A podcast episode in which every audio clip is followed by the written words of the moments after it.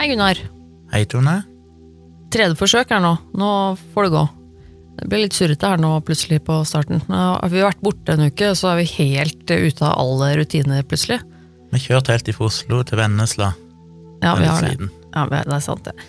Nei, men vi, vi var helt bestemt på å kunne få gjort dette her nå, for nå var vi jo borte forrige uke på grunn av eh, masse jobbgreier som måtte tas, og så ble det noe familiegreier som måtte tas, og så plutselig så var det rett og slett ikke mulig å, å få tid til å spille inn noe. Så nå er vi på plass. Og nå, hvis dette går som det skal, så får vi, får vi ut dette som en ny episode eh, sånn helt etter planen på mandagen, som vi eh, jo sikter oss inn mot hver uke. Men eh, vi skal ikke sløse bort så mye tid eh, i, dag, holdt jeg på å si. Vi skal gå ganske rett på sak. Eh, Facebook-sida vår, Virkelig grusomt podkast. Følg oss der for å få oppdateringer og, og eh, lenker til, eh, til eh, litt mer info om hver episode. Og så eh, ja, eh, som vanlig setter vi gjerne veldig pris på dere som sender oss mail om tilbakemeldinger, og ikke minst tips på virkeliggrusomt at gmail.com. Eh, det er bare fint å få masse tips der, de blir jo liggende der, så vi plukker stadig vekk eh, fra, fra den eh, tipsskåla deres. Så ja, vi skal i gang med en, en, nok en grusom fortelling i dag, Gunnar. Ja, i dag så gikk jeg til litt forandring, så scrolla jeg helt ned til bunnen av innboksen og starta på de første tipsene vi fikk. Og gjorde du det? Og det er litt urettferdig at jeg enten en tendens bare starter på toppen Ja, ja, ja. og jobber meg nedover. Men eh, vi har jo tips, og når jeg scrolla, ble jeg jo sjokkert over hvor mange tips det var. Jeg tror det er hundrevis. Jeg måtte jo helt tilbake til desember 2020. Oi.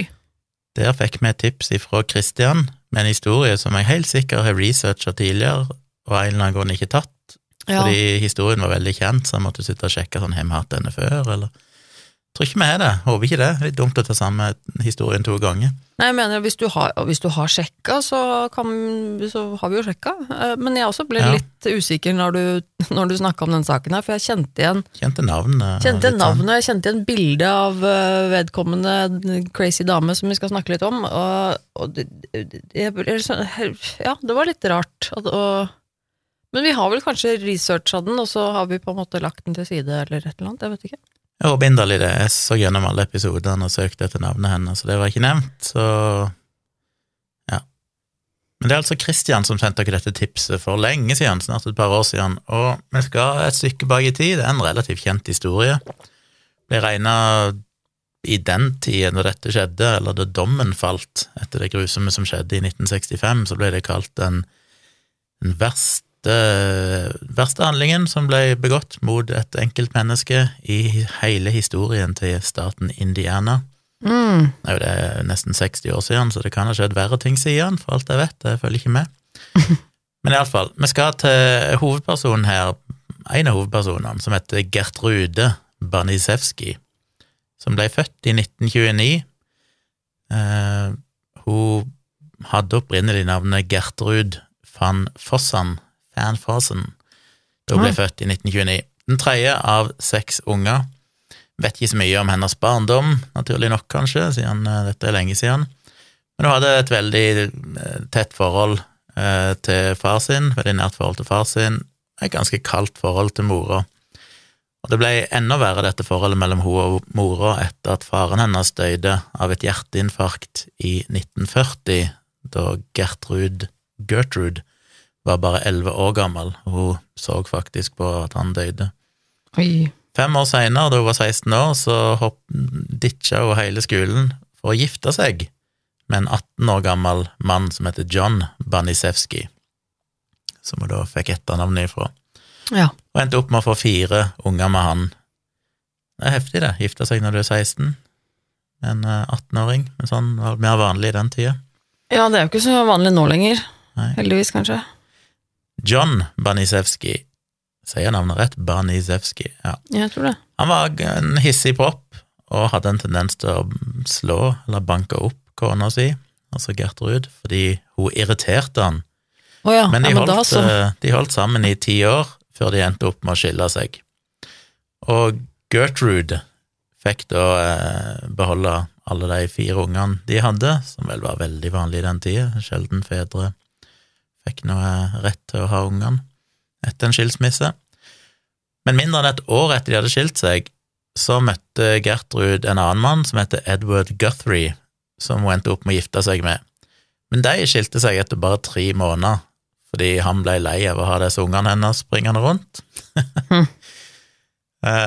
og så ikke så veldig lenge etter det igjen, så endte Gertrud og hennes første mann, altså John Banisewski, opp med å finne tonen igjen og gifte seg enda en gang. Var det sånn det var? Og da holdt de sammen i sju år og fikk to unger til, før de til slutt skilte seg igjen permanent i 1963. Det, det, er litt overrasket over at eh, noen har giftet seg og skilt seg så mange ganger på den tiden. Men altså, ja, nei. Ja, foreløpig eh, tre, tre giftermål, men bare to menn. og har på dette tidspunktet fått seks unger, da, med den godeste John Banisewski. Mm. Men det ble altså slutt med det i 1963, og da innleda Gertrud, som da var 37 år gammel, et forhold med en uh, mye yngre mann som heter Dennis Lee Wright, som bare var 23 år gammel, altså 15 år yngre enn henne. Og han endte jo opp med å være ganske voldelig mot henne. Men hun ble gravid med han to ganger, Eh, en av disse graviditetene endte i en spontanabort, muligens på grunn av vold utført av eh, Dennis Lee Wright, det vet en ikke sikkert. Men hun fødte ett av barna, og denne ungen ble kalt Dennis junior, og ble hennes siste unge, da, så hun hadde totalt sett sju unger, med da to menn, seks med John Banisewski og én med Dennis Lee Wright. Men i løpet av alle årene så hadde hun òg seks spontanaborter totalt sett, i tillegg til å føde sju barn. Ganske kort tid etter at Dennis junior ble født, så stakk rett og slett Dennis senior, altså Dennis Lee Wright, han stakk bare av. Og hun ble sittende igjen alene, og én ting er jo i dag, og kanskje spesielt i uh, Norge i dag, der får du jo Klarer du deg allikevel, du får, kan få økonomisk støtte og alt dette her. Ikke så lett i den tida. Hvis Nei. du mista inntekten til mannen din, så hadde du ikke noe inntekt. Så hun satt jo igjen da med sju unger og hadde ingen inntekt. Hun visste ikke hva hun skulle gjøre. Så hun måtte Hun fikk av og til noe sånn uh, farsbidrag eller barnebidrag fra John Banisewski, mm. men det var ganske ustabilt når han huska å sende penger til henne. Så endte jeg opp med å ta litt sånn tilfeldige jobber rundt forbi. Satt litt barnevakt, vaska litt klær for folk og sånn. Så hun var jo i en situasjon, og det er ganske viktig i det som skjedde seinere, at hun var desperat etter penger. Ja. Helt åpenbart. Så ting ble jo enda verre da Gertrud fant ut at hennes da 17 år gamle datter Paula var gravid i tredje måned etter å ha hatt en liten affære med en middelaldrende gift mann Mm. Som òg ikke var så kult med tanke på økonomien. Det skulle komme enda en liten unge inn i familien. Nei, det er jo krise. Og på det tidspunktet så var det nok stress og bekymringer og alt mulig gjorde at helsa hennes ble betydelig verre. Hun eh, var kronisk syk med en rekke uidentifiserbare sykdommer, som hun ja, vet ikke hva det var, men hun har sleit med forskjellige ting og var så sjuk og sikkert oppgitt og, og stressa og alt dette her at hun egentlig slutta å vaske seg og passe på hygienen sin, hun slutta nesten å spise. Ja. Og det gjorde at hun så ganske stusslig ut til slutt. Håret begynte å trekke seg tilbake, veldig sånn innsunkne øyne. Veldig, så nesten ut som et skjelett. Ja, veldig sånn avmagra, det ser du på de ja, bildene av henne også. Sånn hun, hun, liksom. Ja, hun ser veldig, veldig tynn ut. Veldig, ja. veldig skranten, liksom. Men på det tidspunktet så begynte hun å kalle seg sjøl for Mrs. Wright, og hevde at hun hadde gifta seg med Dennis Lee Wright før han stakk av. Oh, ja. Og det hjalp jo på en måte å opprettholde en slags fasade av res respekt. Oh, ja. Jeg tenkte kanskje Fordi, at hvis hun, hvis hun, sa at de var gift, så hadde hun krav på noe ekstra penger eller noe sånt. Nei, det var nok det for dokumentert, men dette var ja. mer bare en fasade for naboer og venner, sånn, så det er iallfall ikke fremsto som hun hadde fått en eller annen lausunge, en unge utenfor ekteskapet.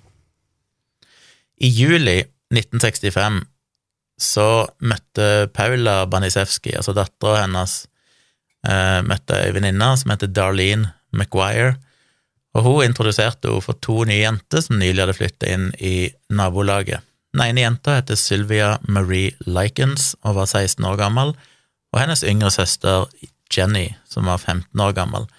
Og Jenny hadde litt uh, problemer fordi hun hadde hatt polio, og måtte rett og slett gå med noen sånne Hva kaller de det? Sånne skinner, heter det vel på norsk. Ja. Mm. Sånne skinner på beina for å støtte opp. Mm. Og Paula inviterte med seg disse to jentene hjem til adressen sin, og der satt de og drakk litt brus, hørte litt på musikk. Mora til disse to jentene hun satt i fengsel på det tidspunktet hun var blitt arrestert etter å ha drevet litt eh, butikknasking, Mm. og det gjorde at Sylvia da satt igjen alene, måtte passe på søstera si mens eh, mora var i fengsel. Og det var litt mer komplisert enn det òg, for det er Betty, altså mora til Sylvia og Jenny, som satt i fengsel. Hun hadde kort tid før dette bare stukket av ifra faren deres, en mann som heter Lester, altså Lester Likens, og i praksis da kidnappa disse to jentene og stukket av med dem. Så da Paula fant ut at eh, de hadde jo litt vanskelig, mora satt i fengsel og hadde nettopp stukket av fra faren, alt dette her, så sa hun at de kunne sikkert overnatte, Eh, så det gjorde de. Og dagen etterpå så kom faren deres, Lester Likens, til byen etter at han hadde klart å spore opp eh, kona si, og han møtte da på hun der Darlene McGuire, og da han snakka med henne, så kjente hun igjen den beskrivelsen han ga av døtrene sine, og hun sa at ja, de er jo hos eh, Banisewski-familien. Så Lester Likens gikk eh, til Banisewski-familien, og da Gertrud åpna, så introduserte hun seg som Mrs. Wright, og de begynte å prate litt. Og i løpet av den samtalen så dukka det opp et forslag, og vi vet ikke helt hvem som kom med forslaget, om det var Gertrud eller om det var Lester, men en av de foreslo tydeligvis at kanskje Gertrud kunne ta liksom, jeg vet ikke hva jeg skal kalle det, ikke adoptere de, men bare la de bo hos seg, la Sylvia og Jenny bo der. Mm. Um, Passe på dem, rett og slett. Altså Ja. barnepass, bare at de var ikke små barn, da. Fordi at han Lester og kona som satt i fengsel, som han hadde fått tak på og prata litt med før han oppsøkte Banisevskij-familien, de hadde egentlig blitt venner igjen og funnet ut at de skulle reise rundt i USA Ja. som sånne underholdningsgreier, litt sånn karn... Eller ja, carnies på engelsk, men litt sånn sirkusaktige Det var greier. det de skulle, ja. ja. Så de ble enige om at eh, Lester skulle la disse to døtrene sine være igjen hos Banisevskij og betale 20 dollar i uka for å dekke litt kostnader og betale litt for det. Og Lester, han kikka aldri inn i huset hennes før han eh, forlot de, som kanskje ikke var så lurt. For hadde han gjort det, hadde han sett hvordan de faktisk levde i denne Banisevskij-familien, så ville han ha oppdaga at de hadde ikke noen komfyr, ikke noen mikrobølgeovn, altså ingenting til å varme opp maten med. De hadde kun nok senger til halvparten av de som bodde der, så de måtte basically da sove to og to i sengene allerede. Og det eneste hun hadde på kjøkkenet, var litt brød og noen kjeks. Hadde ingen annen mat i huset. Eh, Alt var veldig, veldig skittent. Det lå tjukke lag med skitt på absolutt alt inne i huset, og de hadde bare nok tallerkener og bestikk og sånn for tre personer. Mm. Så de var jo så fattige som det kunne blitt, og helt åpenbart ikke helt Ja, det var tydelig at eh, Gertrud ikke var i, stand egentlig til å ta vare på familien sin, og enda mindre to ekstra jenter. Så den første uka Sylvia og Jenny bodde i dette huset til Banisevskij, så gikk det ganske greit. De gikk på, på skolen, de var litt med ungene til Banisevskij, altså, var med og traff andre venner og var litt sosiale og sånn. Og gikk òg i, i kirka med Gertrud på søndagen. Men så kom ikke betalingen ifra Lester, disse 20 dollarene som han egentlig skulle sende. Og da klikka Gertrud Banisevskij fullstendig, og begynte å hyle og skrike på jentene og sa at eh, jeg tok vare på dere to horer for ingenting. Og så tvang hun de til å legge seg på senga med rumpa opp og dra opp skjørtene og dra ned undertøyet, og så ga hun de en, en skikkelig spanking, rett og slett. Mm. Ikke så veldig lenge etterpå så kom både faren og mora, altså Lester og Betty, så kom de på besøk for å sjekke hvordan det gikk med jentene. Men ingen av jentene sa noen ting om at de hadde blitt slått og sånn, sannsynligvis fordi de hadde blitt trua til å være stille fra mora, da, eller ikke mora deres, men eh, eh, Gertrud Banisewski. Og uka etterpå så fant Sylvia og Jenny ut at de skulle grave gjennom søpla gå rundt i søppelkassene i nabolaget og se om de kunne finne noen brusflasker. For da kunne de selge dem, og så kunne de få litt penger, og så kunne de kjøpe seg godteri. Og det gjorde de, men da de kom hjem med dette godteriet, så ble igjen Gertrud veldig sur på de og sa at dette hadde de stjålet. Og da Sylvia forklarte hvordan de egentlig hadde fått det, så hevda hun at dette var bare en løgn, og igjen fikk da Sylvia til å måtte legge seg over senga og ga henne en spanking med en sånn et eller annet tre eh, ja, en eller annen sleiv eller et eller annet sånt som tydeligvis ikke var så godt. Mm. Um, og så, kort etter det igjen, så ble uh, ungene til hun Gertrud Banisewski med Gertrud til en sånn sosial sammenkomst i forbindelse med kirka, og da fortalte de mora si at de var, ble helt sånn, det var kvalmende hvor mye mat de så at Sylvia spiste. Åh! Da de kom tilbake igjen, så sa Gertrud til Sylvia at hun var veldig forbanna på at Sylvia spiste så mye, noe som ville ødelegge hennes fysiske utseende, at hun kunne bli overvektig. Og så tvang hun Sylvia til å spise en hotdog som var helt full av masse tilbehør, og det gjorde at Sylvia endte opp med å kaste opp, men Gertrud tvang henne til å sope sammen alt eh, spyet og spise det. Spise sitt eget spy. nei, den hadde jeg ikke fått med meg, faktisk. Kort tid etterpå liksom. så kom eh, foreldrene tilbake igjen for å sjekke hvordan det gikk med disse jentene, og igjen så sa jo verken Sylvia eller Jenny noen ting om dette her, for eksempel at de hadde blitt eh, ja, fått ris på rumpa, og at hun måtte spise sitt eget spy, for de var redde og ble trua av, av Gertrud. Og så begynte det å bli skikkelig ille. Eh, Det som egentlig kanskje trigga det at Gertrud bare ble helt grusom, klikka helt, var visstnok i august 1965. Da hadde hun overhørt at Sylvia hadde sagt i en sånn bisetning at hun en eller annen gang hadde latt en gutt få lov å beføle henne litt. Og da Mm. klikka jo Gertrud fullstendig og skjelte henne ut og kom med masse stygge ord til henne. Beskyldte henne for å være en eh, prostituert, og fortalte alle ungene og de andre som bodde der, at eh, nå var Sylvia gravid, for de hadde latt en gutt ta henne på kjønnsorganet. Og så eh, gikk hun til angrep igjen på Sylvia, og sparka henne gjentatte ganger i skrittet. Og etterpå, da Sylvia prøvde å sette seg ned, så tok eh, Gertrud, nei, så tok Paula, altså dattera til Gertrud, og kasta henne ut av stolen og sa at eh, You ain't fit to sit in chairs. Altså, du er, ikke, du er ikke bra nok for å sitte på stoler. Ja. Mm. Og ifra det øyeblikket så ville bare Gertrud la Sylvia få lov å sitte i en stol hvis hun først hadde bedt om tillatelse. Og omtrent på den tida så instruerte òg Gertrud ungene sine til å bruke Sylvia som en slags, et slags leketøy, rett og slett, der legene de lekte, kunne være alt ifra at de slo henne, banka henne opp, eller at de bare dytta henne ned trappesatsen. Så ganske sånn mishandling der ungene, som var relativt små, eh, fikk lov å gjøre hva de ville med Sylvia. Mm. Og Jenny, søsteren hennes, ble vel også tvunget til å til å være med på noe av disse ekle greiene etter hvert. Var det ikke sånn at hun også ble pressa til å være slem mot søsteren sin? Ja, eh. Sylvia Altså, hvorfor hun eh, Hvorfor eh, Hva heter det? Hvorfor Gertrud ble så irritert, hvorfor ble så forbanna på den historien som Sylvia hadde fortalt om at en gutt hadde befølt, det er det egentlig ingen som vet. Nei. Det kan være at hun følte en slags misunnelse, at hun så på Sylvia som var en ganske sånn, ja, en vakker ung jente, Mm. og at hun hadde alle de mulighetene i livet som, som Gertrud sjøl ikke hadde fengt fordi hun ble gravid tidlig og alt dette her. Ja. Eh, og det kan ha gjort at hun følte en form for forakt for Sylvia, som gjorde at hun følte for å ta ut sinnet sitt og torturere og rett og slett egentlig på grunn av sin egen selv, eller en selvforakt for seg sjøl.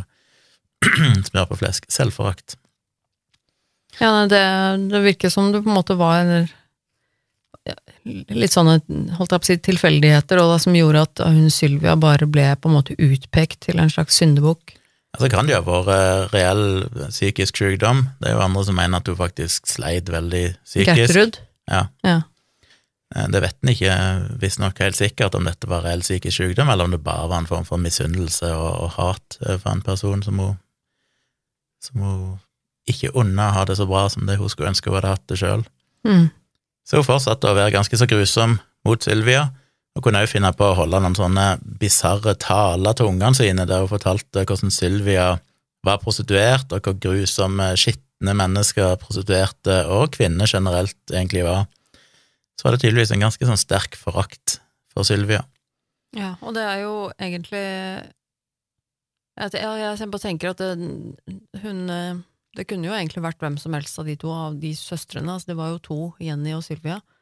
Men det er jo tydeligvis et eller annet med Sylvia da, som gjorde at, at hun, og hun som på en måte ble utpekt som den derre syndebukken. Og det at hun også da fikk sine egne barn til å utøve forakt også, og etter hvert mye mer også mot, mot Sylvia. Så det, det Ja. Så sies det jo da at eh, Jenny, altså søstera til Sylvia, som en sånn eh, slags liten hevnhandling, så hadde Sylvia og Jenny dagen etterpå på skolen fortalt sine klassekamerater at de hadde sett Paula og Stephanie, som altså var to av, eh, to av ungene til Gertrud, at de hadde sett de ha sex med gutter i bytte for penger. Mm. De prøvde tydeligvis å spre et rykte om at det var egentlig de som var prostituerte. Mm. Og eh, da Stephanie sin eh, 15 år gamle kjæreste, Coy Hubbard, oppdaga at Sylvia og Jenny hadde drevet og spredd disse ryktene, så kom han hjem til familien Banisewski og banka opp Sylvia. Og ifra det øyeblikket så endte han Coy Hubbard opp med å komme jevnlig på besøk, opp, veldig sånn oppmuntra av mora og Gertrud, da, eller mora til, disse, til kjæresten hans, komme og eh, øve seg på judo med Sylvia, og så altså bare banka henne opp. Mm. Så han ble da en del av de som drev og mishandla han. Mm. Omtrent på samme tid òg så fikk Gertrud den beste vennen til Sylvia, ei jente som heter Anna Sisko, som var 13 år gammel. Eh, hun fikk eh, tatt seg en prat med henne, hun fikk henne litt sånn på, på ene hånd og snakka med henne og klarte å overbevise henne om at Sylvia hadde fortalt gutta på skolen at mora til Anna var ei hore. Så tok eh, Gertrud Anna med seg hjem for å besøke Sylvia, og instruerte da Anna til å gå ganske så hardt til angrep på Sylvia, og òg slå og banke henne opp. Kort tid etter det igjen så fortalte Gertrud en av vennene til Paula, altså dattera si, ei, ei jente som heter Judy Duke, at Sylvia hadde spredd rykter om hennes mor, Mm. og endte opp med å få de òg til å ende opp i en slåsskamp, og at hun, Judy kom hjem og begynte å slåss med Sylvia. Så hun manipulerer bare vennene til Sylvia til å liksom komme og banke henne opp, liksom? Det er jo helt utrolig. Og mens denne slåsskampen pågikk, så kommanderte Gertrud søstera til Sylvia, altså Jenny, til at hun skulle være med og òg slå Sylvia. Mm. Men Jenny nekta, og Gertrud begynte å slå Jenny i ansiktet med knyttneven, og til slutt så kapitulerte Jenny og gikk med på òg være med på å slå Sylvia. Mm. Så hun brukte jo både tvang og vold, og òg bare sladder og løgner, til å få alle som var rundt Sylvia, til å komme og være voldelige mot henne. På denne tida, i august altså 1965, så var det et ledig hus på sida av Banisewski-familien, og det ble kjøpt opp av et middelaldrende par som heter Phyllis og Raymond Vermillion. Og da Phyllis la merke til hvor ekstremt mange unger det var i det nabohuset som da Gertrud passet på, Ja, for det ble jo ble ni unger, det, da. ja, var det sju pluss to, ja, det ble ni sju, stykk. Ja. ja. Så da tenkte jeg at hun må være flink med unger. Så oh, da fikk hun til å komme og være barnevakt for hennes egne to små unger, og sa at hun skulle eh, hjelpe Gertrud Banisewski med å betale litt da, for den tjenesten. eh, disse naboene, disse Vermilion-paret, de eh, arrangerte en sånn liten barbecue i hagen, sånn at de to familiene kunne komme og bli litt kjent med hverandre. Og mens denne barbecuen pågikk, så oppdaga Phyllis, altså hun nabokona, at Sylvia gikk rundt i hagen og hadde et ganske sånn tydelig blått øye. Mm. Og Paula sa veldig stolt til Phyllis at det var hun som hadde gitt Sylvia dette blå øyet. ja, ok. Og så, mens Gertrud Banisewski fulgte nøye med og var veldig klar over hva som pågikk, så gikk eh, Paula og henta et glass med kokende varmt vann og kasta det i ansiktet på Sylvia. What? Mens alle så på. Men merkelig nok så tok ikke det sånne Fermillion-paret affære, de meldte ikke ifra om det til politiet eller noen ting, Nei, så gudene vet hva de tenkte med. Eller eh, ville ikke blande seg, eller et eller annet. Jeg vet ikke. Nei, det er jo helt forferdelig. Et par måneder seinere så kom Phyllis, altså den nabokona, til Banisevskij for å låne noe. Hun kom på døra. Og bare de minuttene hun var inne i huset, så la hun merke til at Sylvia gikk rundt i huset og så helt sånn fjern ut, og hadde oppsvulma lepper og et blått øye som hadde, var så opphovna at hun ikke kunne åpne øyet lenger. Mm. Og for å vise hvordan dette her hadde skjedd, hvordan hun hadde endt opp i den tilstanden, så tok Paula beltet sitt av og begynte å slå Sylvia med beltet sitt mens Phyllis så på. Ja, men, Men igjen så skjedde det ingenting. Phyllis rapporterte ingenting til, til politiet om det hun hadde vært vitne til. Og så eskalerer det enda mer. Og ja, den- for det blir jo faktisk bare verre og verre. Ja. Og eh, kort tid etter dette igjen så kom Sylvia hjem fra skolen og sa til Gertrud at hun trengte en, eh, en treningsdrakt til gymtimene sine. Og da Gertrud sa til Sylvia at det hadde de ikke råd til, så endte Sylvia opp med å stjele en treningsdrakt fra skolen. Mm. Og da hun kom hjem med den, så spurte Gertrud hvor har du fått denne her ifra, og klarte til slutt å tvinge ut over at jo, hun hadde stjålet det.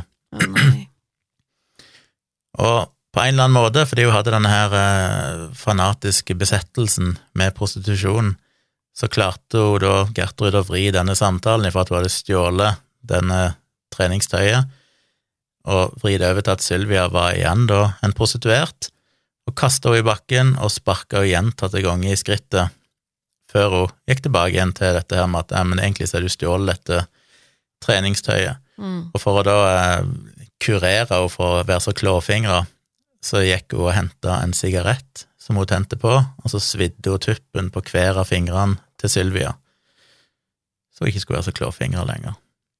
Så det er altså sånn Også det med at hun, hun sparker henne i skrittet, da. Ja, det var for, altså åh. og, og skikkelig For å liksom bare Åh, nei. Etter hun hadde brent fingertuppene på, så fikk hun Sylvia til å bøye seg over, og så ble hun piska med et belte. Og etter denne hendelsen, det virker jo litt som når de kommer på noe nytt å gjøre, så blir det plutselig en trend. Mm. Så etter den hendelsen så var det sånn at de i familien som røykte, så gjorde de det til en vane at når de, skulle, når de var ferdige å røyke, så stumpa de sigaretten på kroppen til Sylvia, Mm. som en liten påminnelse om at hun måtte ikke stjele mer. Eh, ikke så lenge etterpå så gikk disse søstrene ut igjen for å, å grave etter brusflasker i søpla og selge de, så de kunne tjene litt penger. Da hun kom hjem igjen, hun Sylvia, så ble hun igjen beskyldt for prostitusjon, for det hun tydeligvis hadde fått penger en eller annen plass. Og Gertrud tok henne inn i stua og tvang henne til å kle seg naken foran alle sønnene sine og flere gutter fra nabolaget som var på besøk, og sa hvis ikke hun gjorde det, så kom hun til å banke henne opp.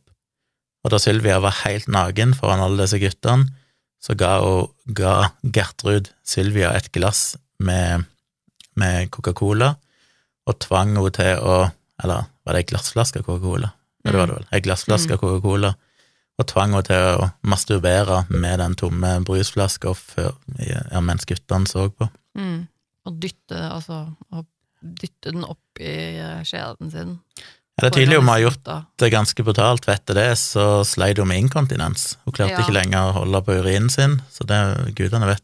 Og ikke bare etter, etter det, men jeg fikk også inntrykk av at det var også fordi at hun flere ganger har blitt sparket i skrittet, og at Skulle tro at det spilte hun- en rolle. Ja, det var det jeg fikk med meg fra det lille jeg leste, eller eh, at hun, at hun har blitt mishandla så mye på den måten at, at, at underlivet hennes var ødelagt. Altså at Mm. hun fikk så store skader at hun ikke lenger klarte å holde, holde på urin og, og, og Herregud, hva heter det? Avfall. Avføring. Avføring. Eh, og at hun, ja, at hun rett og slett ikke hadde kontroll på det lenger. Og jeg tenker da, Ja. da, de, altså da Da er du ganske hardt da har skada i utgangspunktet. store skader. Ja, det er helt Ja. Men det ble jo verre, fordi at på grunn av det, fordi hun da lakk urin og jeg vet ikke om hun Tisset på seg om Ja. natten og så konkluderte Gertrud med at hun ikke lenger var i stand til å bo med andre mennesker. Mm. Og fra det tidspunktet så begynte hun å låse henne nede i kjelleren sin. Og der ser det finnes noen bilder av det i sånne forferdelig grusom kjeller, skitten full av søppel og ting. Mm. Og der måtte hun ligge og sove under trappa, da. Og der var det ikke noe toalett, så hun hadde nødt til å både gi fra seg og tisse på gulvet der hun bodde. Ja, Pluss at hun da også stadig tisset og bæsjet på seg, da, fordi at hun hadde Ja. heller ikke kontroll på, på dette her, så om natten, og at hun stadig tisset på seg om natten, og dette gjorde jo bare alt altså mye verre, at hun ble jo bare sett på som enda mer skitten og umenneskelig i øynene på Gertrud og de, når hun på en måte ikke klarte å holde seg. Og det så jo Gertrud på som enda en mulighet til å innføre noe nytt. Ja. Det da fant hun ut at siden hun var så skitten, så måtte hun begynne å rense henne litt, da. ja. Hun begynte å kalle Sylvia for a dirty girl. Og dette her eh, regimet med å, å vaske henne, det bestod i at eh, Gertrud fylte en, en sånn bade, en sånn Balje noe, balje med skållende varmt vann, bandt Sylvia sine ankler og håndledd sammen, og så mer eller mindre dytta oppi dette her skållende varme vannet. Og det kunne skje tid som helst. Av og til kunne det skje opptil flere ganger om dagen. Av og til kunne det gå noen dager uten at det skjedde. Men etter hun hadde blitt bada i dette her kokende varme vannet, så tok Paula, altså dattera til Gertrud, eh, hendene fulle av salt og gnei det utover huden til Sylvia. Så hun er både da forbrent, og altså bokstavelig talt får gnidd eh, salt i såret, så får hun gnidd salt i alle sårene sine, alle brannsårene sine. I løpet av den perioden dette her foregikk, så fant Gertrud, Gertrud ut at hun skulle eh, bruke en, en nabogutt som heter Ricky Hobbs, som var 14 år gammel, som en slags personlig assistent når hun drev og ja, håndterte Sylvia, eller drev og banka henne opp. Og Hobbs han var en veldig flink student som kom fra en middelklassefamilie, hadde ikke hatt noe sånn kriminelt trøbbel eller noen ting før det, men etter at han kom under regimet til, til Gertrud, så endra han jo personlighet ganske så mye, og endte opp med å bli en person som helt blindt bare gjorde alt det som Gertrud sa hun skulle gjøre.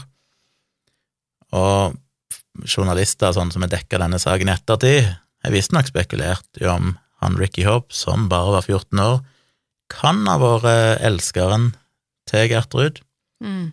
og at uh, hun på en måte hadde forført han gjennom sex, da, blant annet, til å, å bli hennes assistent, som gjorde alle disse fæle tingene. Ja, hun, dette var jo noe hun hadde gjort før, dette med å manipulere barn og unge Mm. i nabolaget og på sko også, Det har vi allerede hørt om, at hun var fæl til å manipulere dem til å gjøre masse grusomme ting.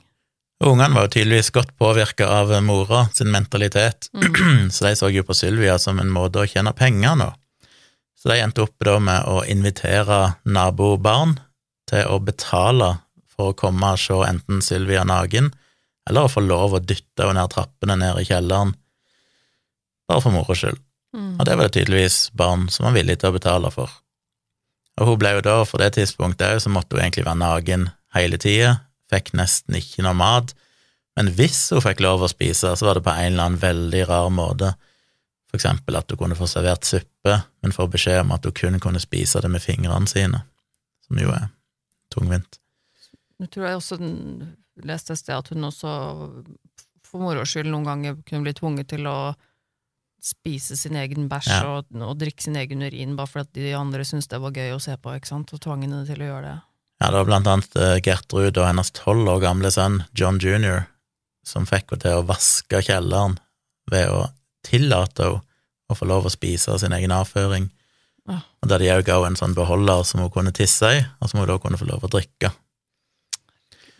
Og det var jo noen ganger hun nesten ble redda. Eh, når hun var på dette stadiet, da hun ble holdt naken nede i kjelleren og kontinuerlig egentlig mishandla, så klarte hun å få kontakt Eller så klarte Jenny å få kontakt med deres eldre søster, som heter Diana. Oh, ja. For de hadde en, en eldre søster, men hun var gift og hadde sin egen familie.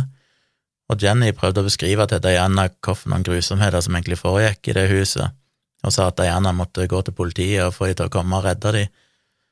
Eh, Men Diana, da hun leste dette brevet fra Jenny, så bare ignorerte det og tenkte at dette her er jo sikkert bare noe sånn sutring fordi de ikke er fornøyd med at de av og til blir fysisk avstraffa når de har vært ulydige og sånn, og det må de liksom tåle, for det var kanskje litt vanlig på den tida. Og mente at de bare diktet opp historier sånn at Diana skulle komme og leve, bo sammen med dem, fordi de egentlig ikke trivdes så godt der. Men hun trodde jo tydeligvis ikke på at det kunne være så grusomt, og bare tenkte at det der er ikke så veldig alvorlig. Nei. Det var jo en av disse naboungene som hadde kommet for å, å se Sylvia, en tolv år, eh, år gammel jente som jeg ville vært innom tidligere, som heter Judy Duke, eh, som ble instruert til å slåss med Sylvia tidligere. Hun gikk jo på et tidspunkt hjem og fortalte mor si at eh, de driver jo egentlig og slår og sparker Sylvia i det huset.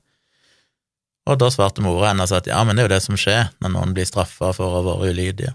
Mm. Så igjen, jeg tror ikke hun skjønte at det var mer enn en, en spanking, liksom, at det faktisk var grov vold. Det er jo Altså, man, man kan jo tenke at det kanskje ikke er, er så rart, da, at, at uh, man misforstår det uh, og tenker at uh, nei, men barna overdriver alltid, og, og at for, og, for barn har jo mye rare fortellinger og fantasier som de kanskje snakker om, og, og at foreldrene da kanskje antar at ja, ok, så er det en av de som har fått ris på rumpa, og så har- har barnet mitt da på en måte overdrevet den historien. Mm. Men det er jo likevel Jeg tenker at hadde, Jeg vil jo tro at hvis det hadde vært i dag, så hadde vel likevel de fleste foreldre hatt en liten rød bjelle i hodet og liksom ok, uh, det hørtes jo litt spesielt ut. Uh, uansett, det kan man jo håpe. På et tidspunkt her så kom jo presten i menigheten, Roy Julian, på besøk, for han hadde en sånn greie der han gikk rundt og besøkte folk i menigheten og sjekka hvordan de hadde det. Og mens han og Gertrud satt og drakk kaffe, så begynte Gertrud å klage til han at Sylvia hadde vært en utrolig belastning for henne å ha henne i huset, og hevde at hun var prostituert, Mm. og hun drev og, og hadde sex med gifte menn og hadde blitt gravid. På det tidspunktet så var jo sannheten at det var Paula, altså dattera til Mhm. Gertrud, som faktisk var flere måneder gravid.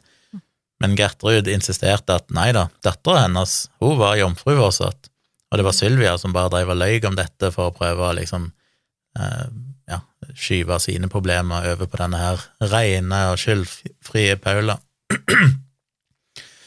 og så ba de litt sammen, da, før eh, presten reiste av gårde.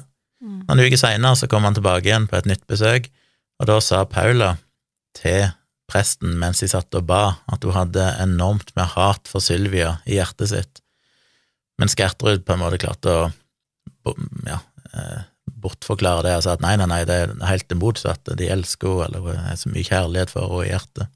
Mm. Til slutt så kom jo da Diana, altså søstera deres, på besøk, Søst oh ja, søstera til søster. Oh, ja. Men da nekta Gertrud henne å komme inn, Mm. og sa at eh, faren deres, altså han Lester, hadde tatt kontakt og sa at hvis Diana kom, så måtte, de, måtte de, hun ikke slippe henne inn.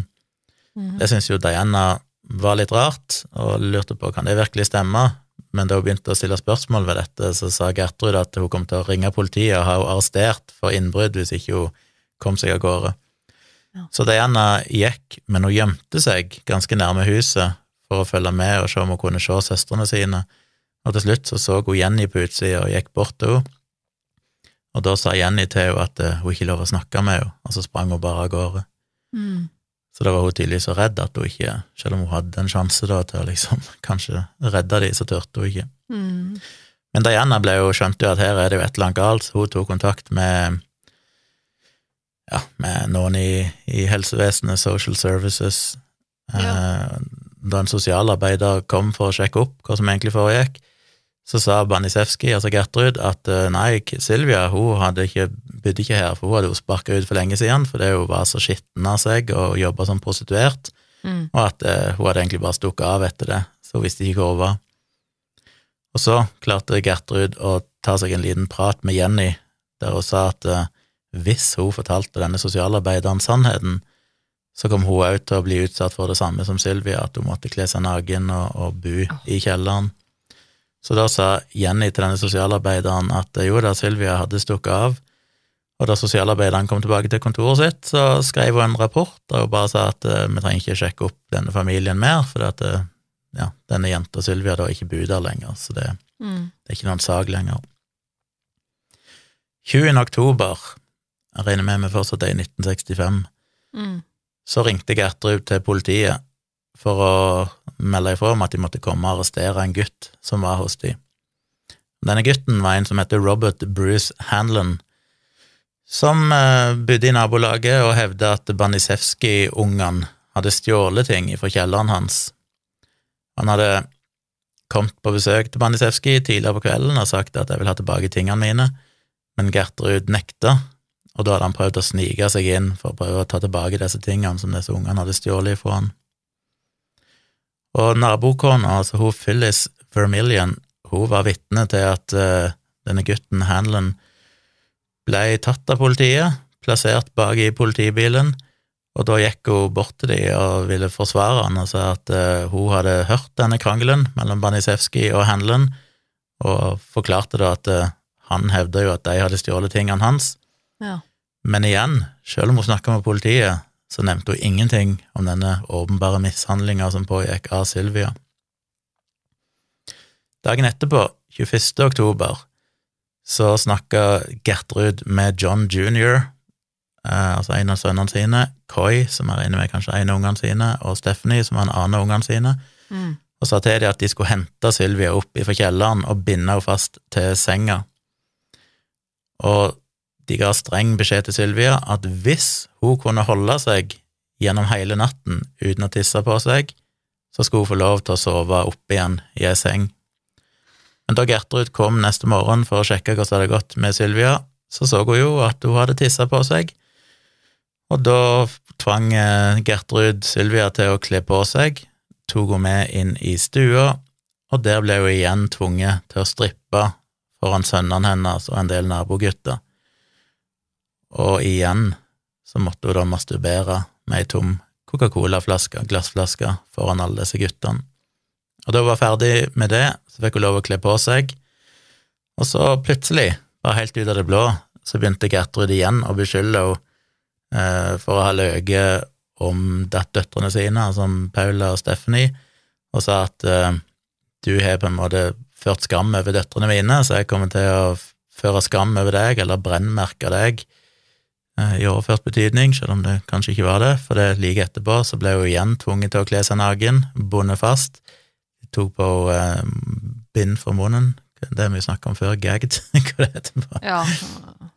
Eh, og så fikk hun ungene sine til å hente ei nål som de varma opp med fyrstikker, sånn at den var glødende varm, og da den var helt glødende oransje, så tok Gertrud og mer eller mindre brant bokstaven I og litt av bokstaven M inn i magen på Sylvia. Og så sa hun til Ricky Hobbs at han skulle fortsette å stave videre med denne nåla, og skulle skrive da I'm a prostitute and proud of it, altså brent inn i magen på Sylvia med ei nål. Mm. Um, det gjorde Ricky Hobbs, men på et eller annet tidspunkt så stoppa han litt forvirra og sa hvordan staver du egentlig prostitute?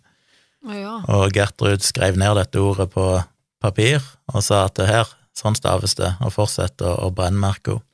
Og da var ferdig, som ja, altså da hadde hun fått en slags, hva heter det, scarring, eller sånn, en slags tatovering, brennmerketatovering, Mm.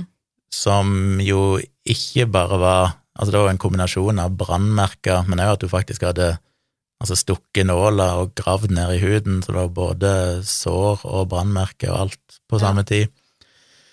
Og det var såpass alvorlig og grovt utført at til og med moderne plastisk kirurgi ikke ville ha klart å, å fjerne det, eller fikse det i ettertid, Det må ha blitt noen øh, voldsomme arrdannelser her. Mm.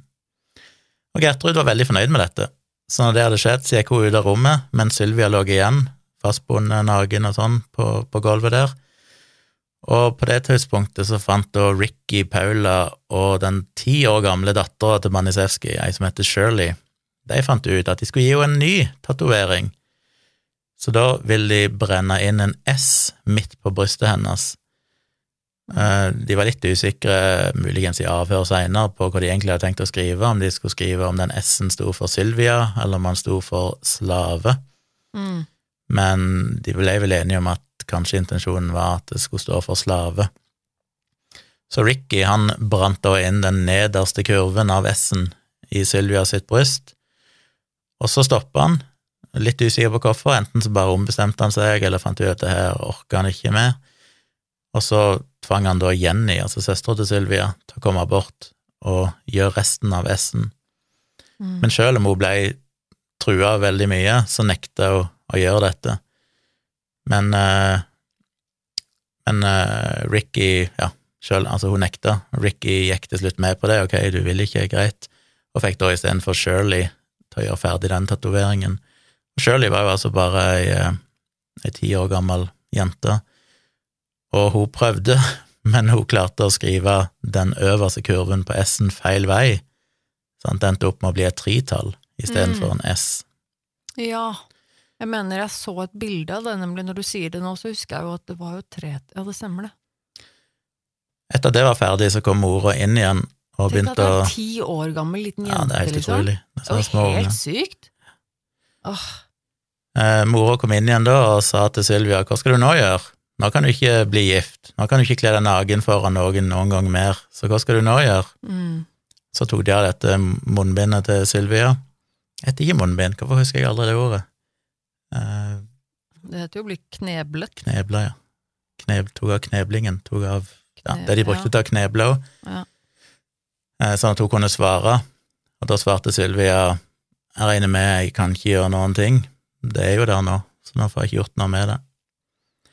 Da tok Hubbard Sylvia ned i kjelleren, der han pleide å Eller der han tidligere hadde banka opp, og nå igjen brukte hun til å trene litt judo, før han til slutt gikk hjem til familien sin. Midt på Altså, det, natta det, er, det er bare så drøyt at han bare Han bruker henne som en punching bag, da. Altså Ja, rett og slett. og sparker og altså, slår og tenker ikke over at det er et øver seg menneske.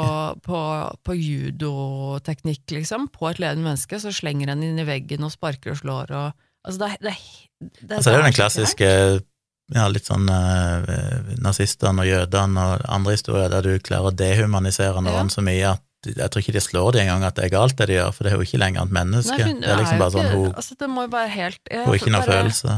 Jeg klarer ikke å fatte liksom, hvordan, hva som har skjedd oppi hodet til disse menneskene, at de er på en måte blitt så programmert inn til å på en måte tenke at dette ikke er et menneske. Det er ikke, det er ikke Altså, det er helt eh, Ja, nei, det er Jeg har sett at hun da har blitt sparka og ydmyka og måtte masturbere og kle av seg foran guttene og bli brennmerka og basically torturert, og så blitt brukt til judoøving.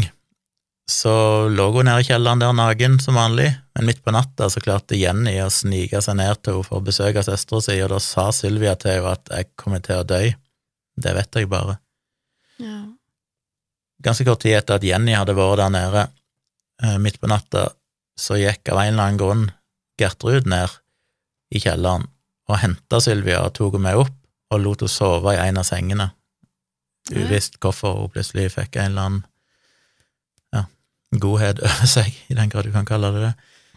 Hun fikk lov å sove helt midt på dagen dagen etterpå, altså 23. oktober. Da kom Gertrud og vekte henne opp, og da hadde hun våkna fullt og helt, så tok Gertrud og Stephanie, altså en av døtrene, henne med seg inn på badet og ga henne en, en varm, behagelig et bad og vaska henne og sånne ting. Etter at hun hadde blitt bada, så kledde de på henne, og så skrev de eh, Eller ikke skrev, men de sa til henne hva hun skulle skrive. Så Sylvia skulle da skrive et brev som skulle se ut som at eh, hun hadde på en måte valgt å stikke av frivillig. Ja. Så hun skulle Ja, igjen så vet en ikke helt hvorfor, det er mye en ikke vet her, men av en eller annen grunn så sa Gertrud til Sylvia at hun skulle starte brevet med Dear Mr. and Mrs. Likens, videre. Jeg tar det på engelsk. I went with a gang of boys in the middle of the night, and they said they would pay me if I would give them something. So I got in the car, and they all got what they wanted. And when they got finished, they beat me up and left sores on my face and all over my body. And they also put on my stomach. I am a prostitute and proud of it. I have done just about everything that I could do to make Gertie mad and cause Gertie more money than she's got. I've tore up a new mattress and peed on it. I have also cost Gertie doctor bills that she really can't pay and made Gertie a nervous wreck and all her kids. Det som var rart, var at liksom det starta så formelt, sånn Dear Mr. and Mm. Mrs. Likens, når det er til dine egne foreldre, Mm. så høres jo det kanskje litt rart ut. Det her er altså den dårligste fake innrømmelsen på bullshit jeg noen gang har hørt om. Altså det er sånn Nå insisterte jeg òg på at Sylvia ikke skulle signere dette brevet. Og da hun var ferdig med å skrive brevet, så begynte Gertrud å forklare planen sin, og det var å få John jr. og Jenny, altså en av sønnene sine og søstera til Sylvia, til å ta med seg Sylvia til en søppelplass i nærheten og bare dumpe henne der sånn at hun kunne dø. Og da Sylvia hørte dette, så tenkte hun ok, nå må jeg stikke av, så hun sprang alt hun kunne mot eh, inngangsdøra, men hun var jo i en veldig dårlig fysisk tilstand, så hun Ja. bevegde seg så sakte at det var ikke noe problem for de andre å stoppe henne og dra henne tilbake igjen inn i, i huset. Så de fikk roa henne ned, de tok henne inn på kjøkkenet, lagde noe toast til henne. Sylvia prøvde å spise denne maten, men hun klarte ikke å svelge. Så Banisewski tok ned en av gardinstengene fra kjøkkenet og rett og slett slo Sylvia i munnen med gardinstanga. Så tok eh, John, en av sønnene igjen, altså, med seg Sylvia ned i kjelleren og bandt henne fast, mens Gertrud eh, ja, lagde en, en tallerken med noen kjeks til Sylvia. Så gikk hun ned og sa at her er du kjeks, og Sylvia sa gi det heller til hunden, den er mer sulten enn det jeg er. Og da ble Gertrud så forbanna at hun gjentatte ganger slo Sylvia i magen før hun gikk opp ifra kjelleren. Dagen etterpå, 24. oktober, så kom Gertrud ned i kjelleren igjen og prøvde å slå eh, Sylvia med en eller annen gjenstand. Eh, ja, først var det med en stol, prøvde å kaste eller slå henne med en stol, men bomma, sånn at den knuste mot veggen. Etterpå så tok hun en eller annen sånn åre som de hadde liggende, og prøvde å slå i hodet med den, men det var liksom en ganske sånn svær, lang åre, ja. så når hun prøvde å svinge den mot hodet hennes, så svingte han helt rundt og endte opp med å treffe henne sjøl i øyet. Oh. Det var litt mislykka, og det syns jo eh, noen av de andre var litt sånn pinlig å se på, så det Hubbard, det var vel en av naboguttene, han gikk da bort, og så tok han den åra, og så slo Nei, han tok en feiekost som sto der, og slo Sylvia så hardt at hun endte opp med å besvime, bare for liksom å få gjort slutt på det. I løpet av den natta og utover morgenen den 25. oktober så lå Sylvia nede i kjelleren og lå og slo i gulvet med en, eh, en slags uh, spa, en eller annen jernspa eller et eller annet sånt. ja. Tydeligvis å prøve å tilkalle hjelp.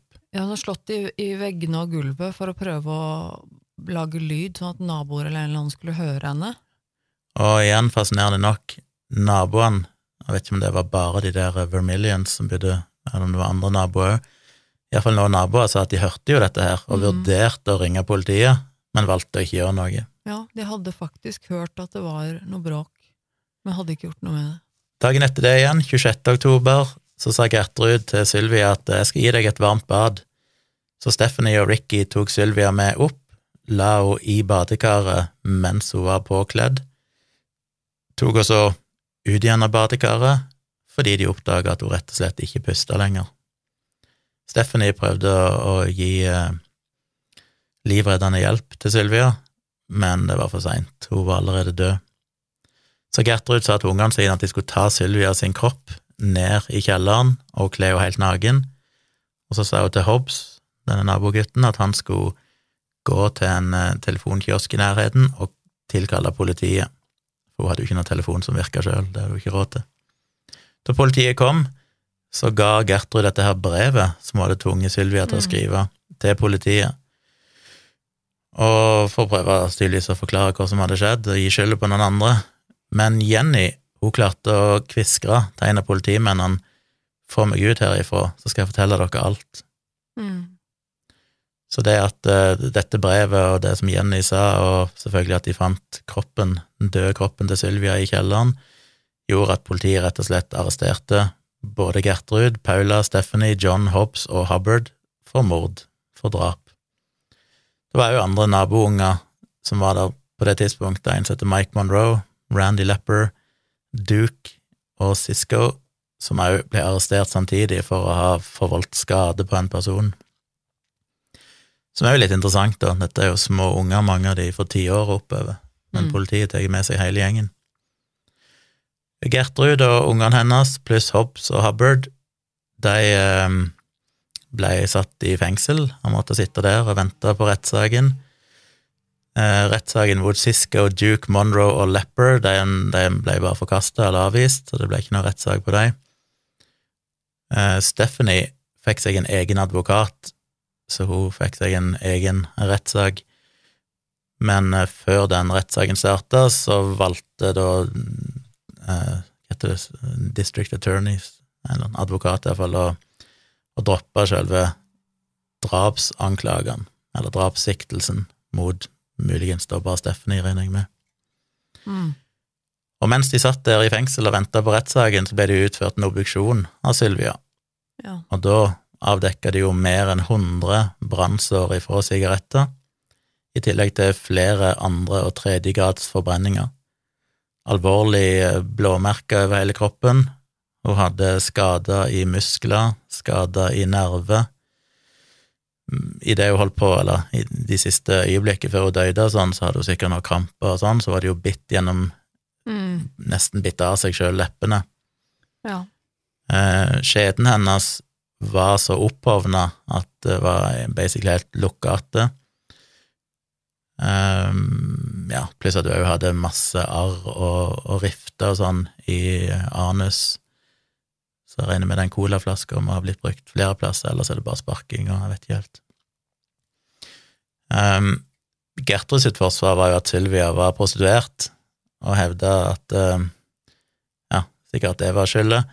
Men de sjekka jo selvfølgelig om hun var gravid, og det var hun ikke, så det viste seg jo at eh, Gertrud sin påstand om at hun var gravid og sånn, var jo selvfølgelig bare en løgn.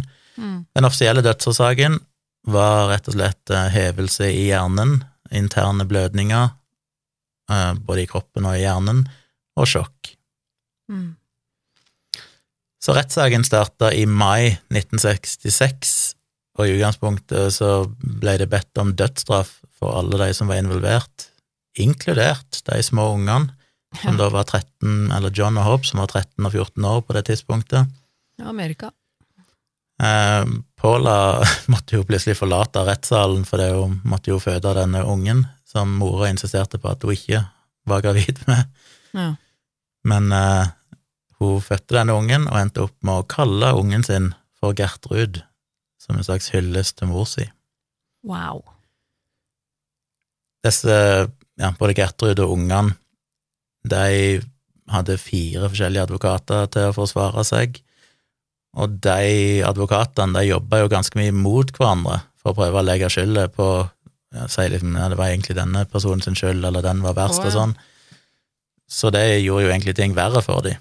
Ja. Selv om det var samme rettssaken, så hadde de egentlig advokater som ikke jobba for å forsvare alle sammen, som kanskje hadde vært lurest, men istedenfor brukte De de, satte de hverandre, egentlig, selv Ja, selv om satte de de opp mot hverandre. Ja. for å prøve å liksom få minst mulig straff for sin egen klient. Ja. Eh, advokaten til Gertrud han prøvde selvfølgelig å skylde på ungene, og sa at hun, mora, var jo bare svak og kronisk syk, og hun kunne ikke ha gjort noe, utført noe av denne volden, så, så dårlig tilstand hun var i. Mens derimot advokatene da, til ungene selvfølgelig prøvde å si at det var mora som hadde gjort det, eller de andre ungene. Mm. Og noe av det verste som skjedde under rettssaken for Gertrud sin del, var jo at hun sjøl klarte å ødelegge så enormt for seg sjøl. For hun drev jo fortsatt og fortalte sånne her eh, bisarre historiene om at Sylvia Likens var en prostituert som jobba i nabolaget, at hun hadde seg med masse middelaldrende gifte menn, og hevda at hun gjentatte ganger hadde begynt å slåss hjemme hos de, um, som jo ja, det ikke fant noe bevis for, så det fikk hun jo bare til å fremstå som ganske psycho, egentlig. Mm. Men for å, å på en måte bekrefte sine påstander, så kalte de elleve år gamle Marie, som vel var en av døtrene da, tror jeg, opp som et vitne. Og først så hadde Marie bekrefta alt det som mora hadde sagt, men mens hun ble krysseksaminert av de forskjellige advokatene, så ropte hun plutselig bare 'God help me', og så innrømte hun plutselig at alt hun hadde sagt, var en løgn Oi. og begynte istedenfor å beskrive detaljert hvordan mora og søsknene hennes hadde torturert og til slutt drept Sylvia. Wow. Og det var egentlig det som gjorde at uh, til slutt så ble de dømt. Ja, det at uh, ja. datter rett og slett bare plutselig sa alt som det var. Så Gertrud hun ble funnet skyldig i overlagt drap. Mm. Eh, Paula, altså dattera hennes, hun ble funnet skyldig i forsettlig drap, Mm. som jo er litt uh, lavere. Hun anka denne og fikk en helt ny rettssak. For som jeg, som jeg har forstått det, så er overlagt drap er jo at du da har planlagt og regnet med, øh, og med hensikt tatt noens liv. Ja, det er first degree murder på engelsk. Ja, og forsettlig drap er jo da at du har drept noen øh, uten at det nødvendigvis er planlagt på forhånd. At, du vet at det du, gjorde, kunne forvolde død. Ja. at det, det, det du gjorde var å drepe noen, og du visste at det du gjorde var mulig, øh, at det kom til å drepe personen. Men det er jo ikke alltid Det er jo noen si- si- situasjoner, eksempel at man gjør, handler i selvforsvar eller et eller annet sånt noe, altså, at det kan at det kan skje et forsettlig drap, men hun ble jo Mm. da Ja, for hun drepte jo Ja, ikke sant. Ja, med på å drepe, men at Hun måtte jo ha skjønt at alt det som skjedde, kunne ta livet hennes, Ja, men det var ikke, det var ikke med den hensikten, på en måte. Det var ikke planlagt at hun skulle dø. Ja, Hun burde ha skjønt at det kunne skje. litt forskjeller. Men hun anka iallfall og fikk en helt ny rettssak, men før den andre rettssaken fikk starta, så endte hun opp med å, å bli enig om at hun skulle erklære seg skyldig for det som vel kalles for uh, uh, uaktsomt drap på norsk, eller voluntary manslaughter på engelsk, Ja, og endte ja. opp med å bare få tre år i fengsel før hun fikk, ble prøveløslatt og, og egentlig ikke sona noe mer. Yes. John Banisewski, altså den første ektemannen, eller faren til de fleste av ungene, Hubbard og Hobbs, de ble òg faktisk eh, dømt for uaktsomt drap, og fikk, ifra, og fikk 18 måneder i uh, Jeg skjønner ikke helt, for han ene sa jo feil, John. Det var en av ungene som heter John. Faren ja. heter vel òg John, men her var det ungen John. Ja, for nå trodde jeg du ja, for, ja, Jeg skjønte ikke helt hvorfor han skulle være skyldig i dette. Nei, faren skjønte jeg ikke helt hvorfor hadde med Ja, ok, men så det var barna. Tre av ungene da endte opp med å få 18 måneder i sånn ungdomsfengsel, et eller annet sånt. Um, um, uh, Hobbs var 17 år da han slapp ut, og da han endelig slapp ut, så skjønte han jo hvor ille det var, det som han hadde vært med på, og endte opp med å få et totalt uh, sammenbrudd. Begynte å røyke masse, så kraftig at han egentlig ødela lungene sine innen han var blitt 20 år.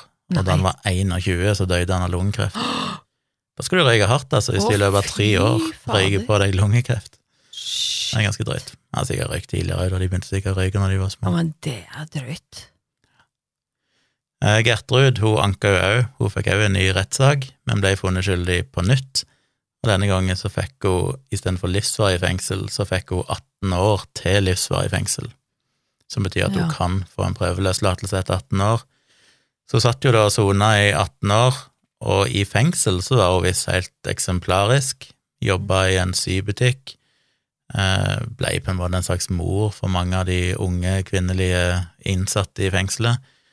Og da hun for første gang hadde muligheten til å bli prøveløslatt i 1985, så kalte de jo egentlig fengselet bare for mamma. Hun var så godt likt. Mm.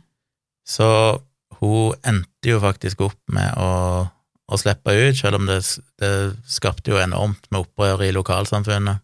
Mm. Eh, Jenny Likens, altså søstera til Sylvia, og familien hennes, de var jo på TV og argumenterte for at hun måtte aldri slippe ut. Det var en del sånne organisasjoner som jobba for å beskytte unger mot vold og sånn, som òg reiste til Indiana for rett og slett bare drive kampanje mot at eh, Gertrud skulle slippe ut.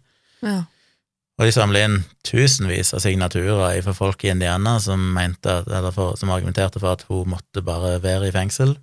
Men hun endte altså opp da med å bli sluppet ut i 1985. Men hun erkjente jo egentlig aldri det hun hadde gjort, Nei. og da denne høringen var prøveløslatelseshøringen, så sa hun I'm not sure what role I had in it, because I was on drugs. I never really knew her. Mm. Men så sa hun I take full responsibility for whatever happened to Sylvia.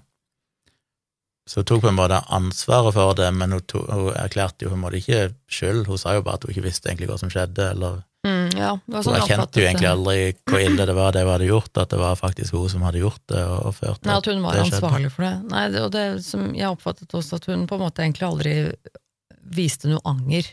Nei, Det høres jo litt At ut som at hun visste at hun måtte si det hvis hun skulle ha Ja, muligheten ikke for å få prøveløslatelse, så måtte hun på en måte late som hun tok ansvar for dette, men, ja, men det virker som om hun så egentlig ikke trodde at hun hadde gjort noe galt, liksom, eller at hun på en måte Nei, dette var ikke min skyld, eller Så 4. desember 1985 så kommer hun seg ut av fengsel, mm. flytta til Iowa og endra navn til Nadine Fanfossen, altså hennes Ja. eh, fødenavn, med et nytt fornavn. Men der døde hun allerede etter knappe fem år av lungekreft i 1990. Ja. Og så vet en ikke så mye om hva som har skjedd med alle disse ungene i ettertid. En vet at Paula hun flytta ut til Iowa og tok på seg en ny identitet. Mm. Eh, ifølge internettrykter så er hun visstnok fortsatt i live og bor på en eller annen gård et eller annet sted ute på landet i Iowa. Mm. Eh, Stephanie Banisevski hun endte opp med å bli lærer, og òg endra navn, så ikke folk skulle kjenne igjen.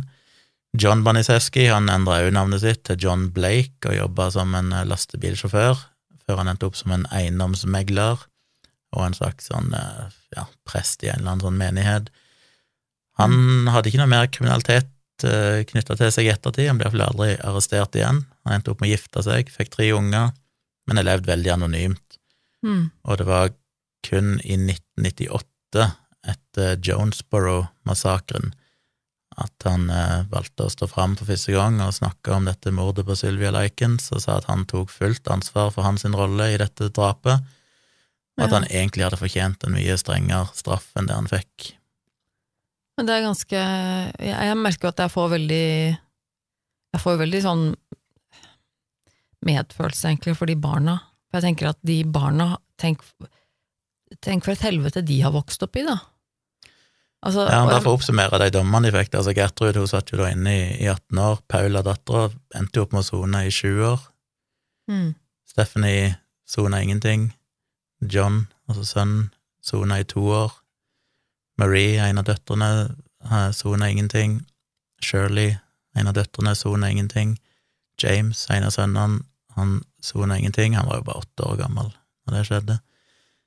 Dennis, som var den yngste av de, han var jo bare baby når, da Sylvia døde fortsatt. Han eh, ble jo ikke regna med å være skyldig, selvfølgelig. Coy Hubbard, som var en av naboguttene, han endte opp med å sone i to år. Richard Hobbs, han eh, var jo en nabogutt, sona i to år. Uh, ja, så det er vel de som endte opp med å bli straffa for det. mm, Kan bare jo nevne at søstera til Sylvia, hun Jenny, hun eh, De mener jo kanskje at hun slapp billigere unna enn Sylvia, for det er jo litt sånn rart hvorfor i all verden Sylvia ble så mishandla, mens Jenny egentlig slapp unna uten noe særlig problemer, men det kan ha vært fordi at hun var litt ganske handikappa med denne polioen, mm. at de på en måte ikke ville være så voldelige mot henne, for det er jo At det var litt mer synd på henne, på en ja. måte, eller et eller annet sånt noe. Det kan hende. Men hun døde visstnok i 2004, Mm. i en alder av 54 år gammel. Hun er ikke så gammel hun heller, da. Nei. Men jeg syns det er eh, Jeg hørte også at, eh, mens jeg fortsatt husker det, eh, ble beskrevet eh, en av de siste nettene hvor Sylvia var i live, hvor hun hadde da blitt slengt ned i kjelleren der.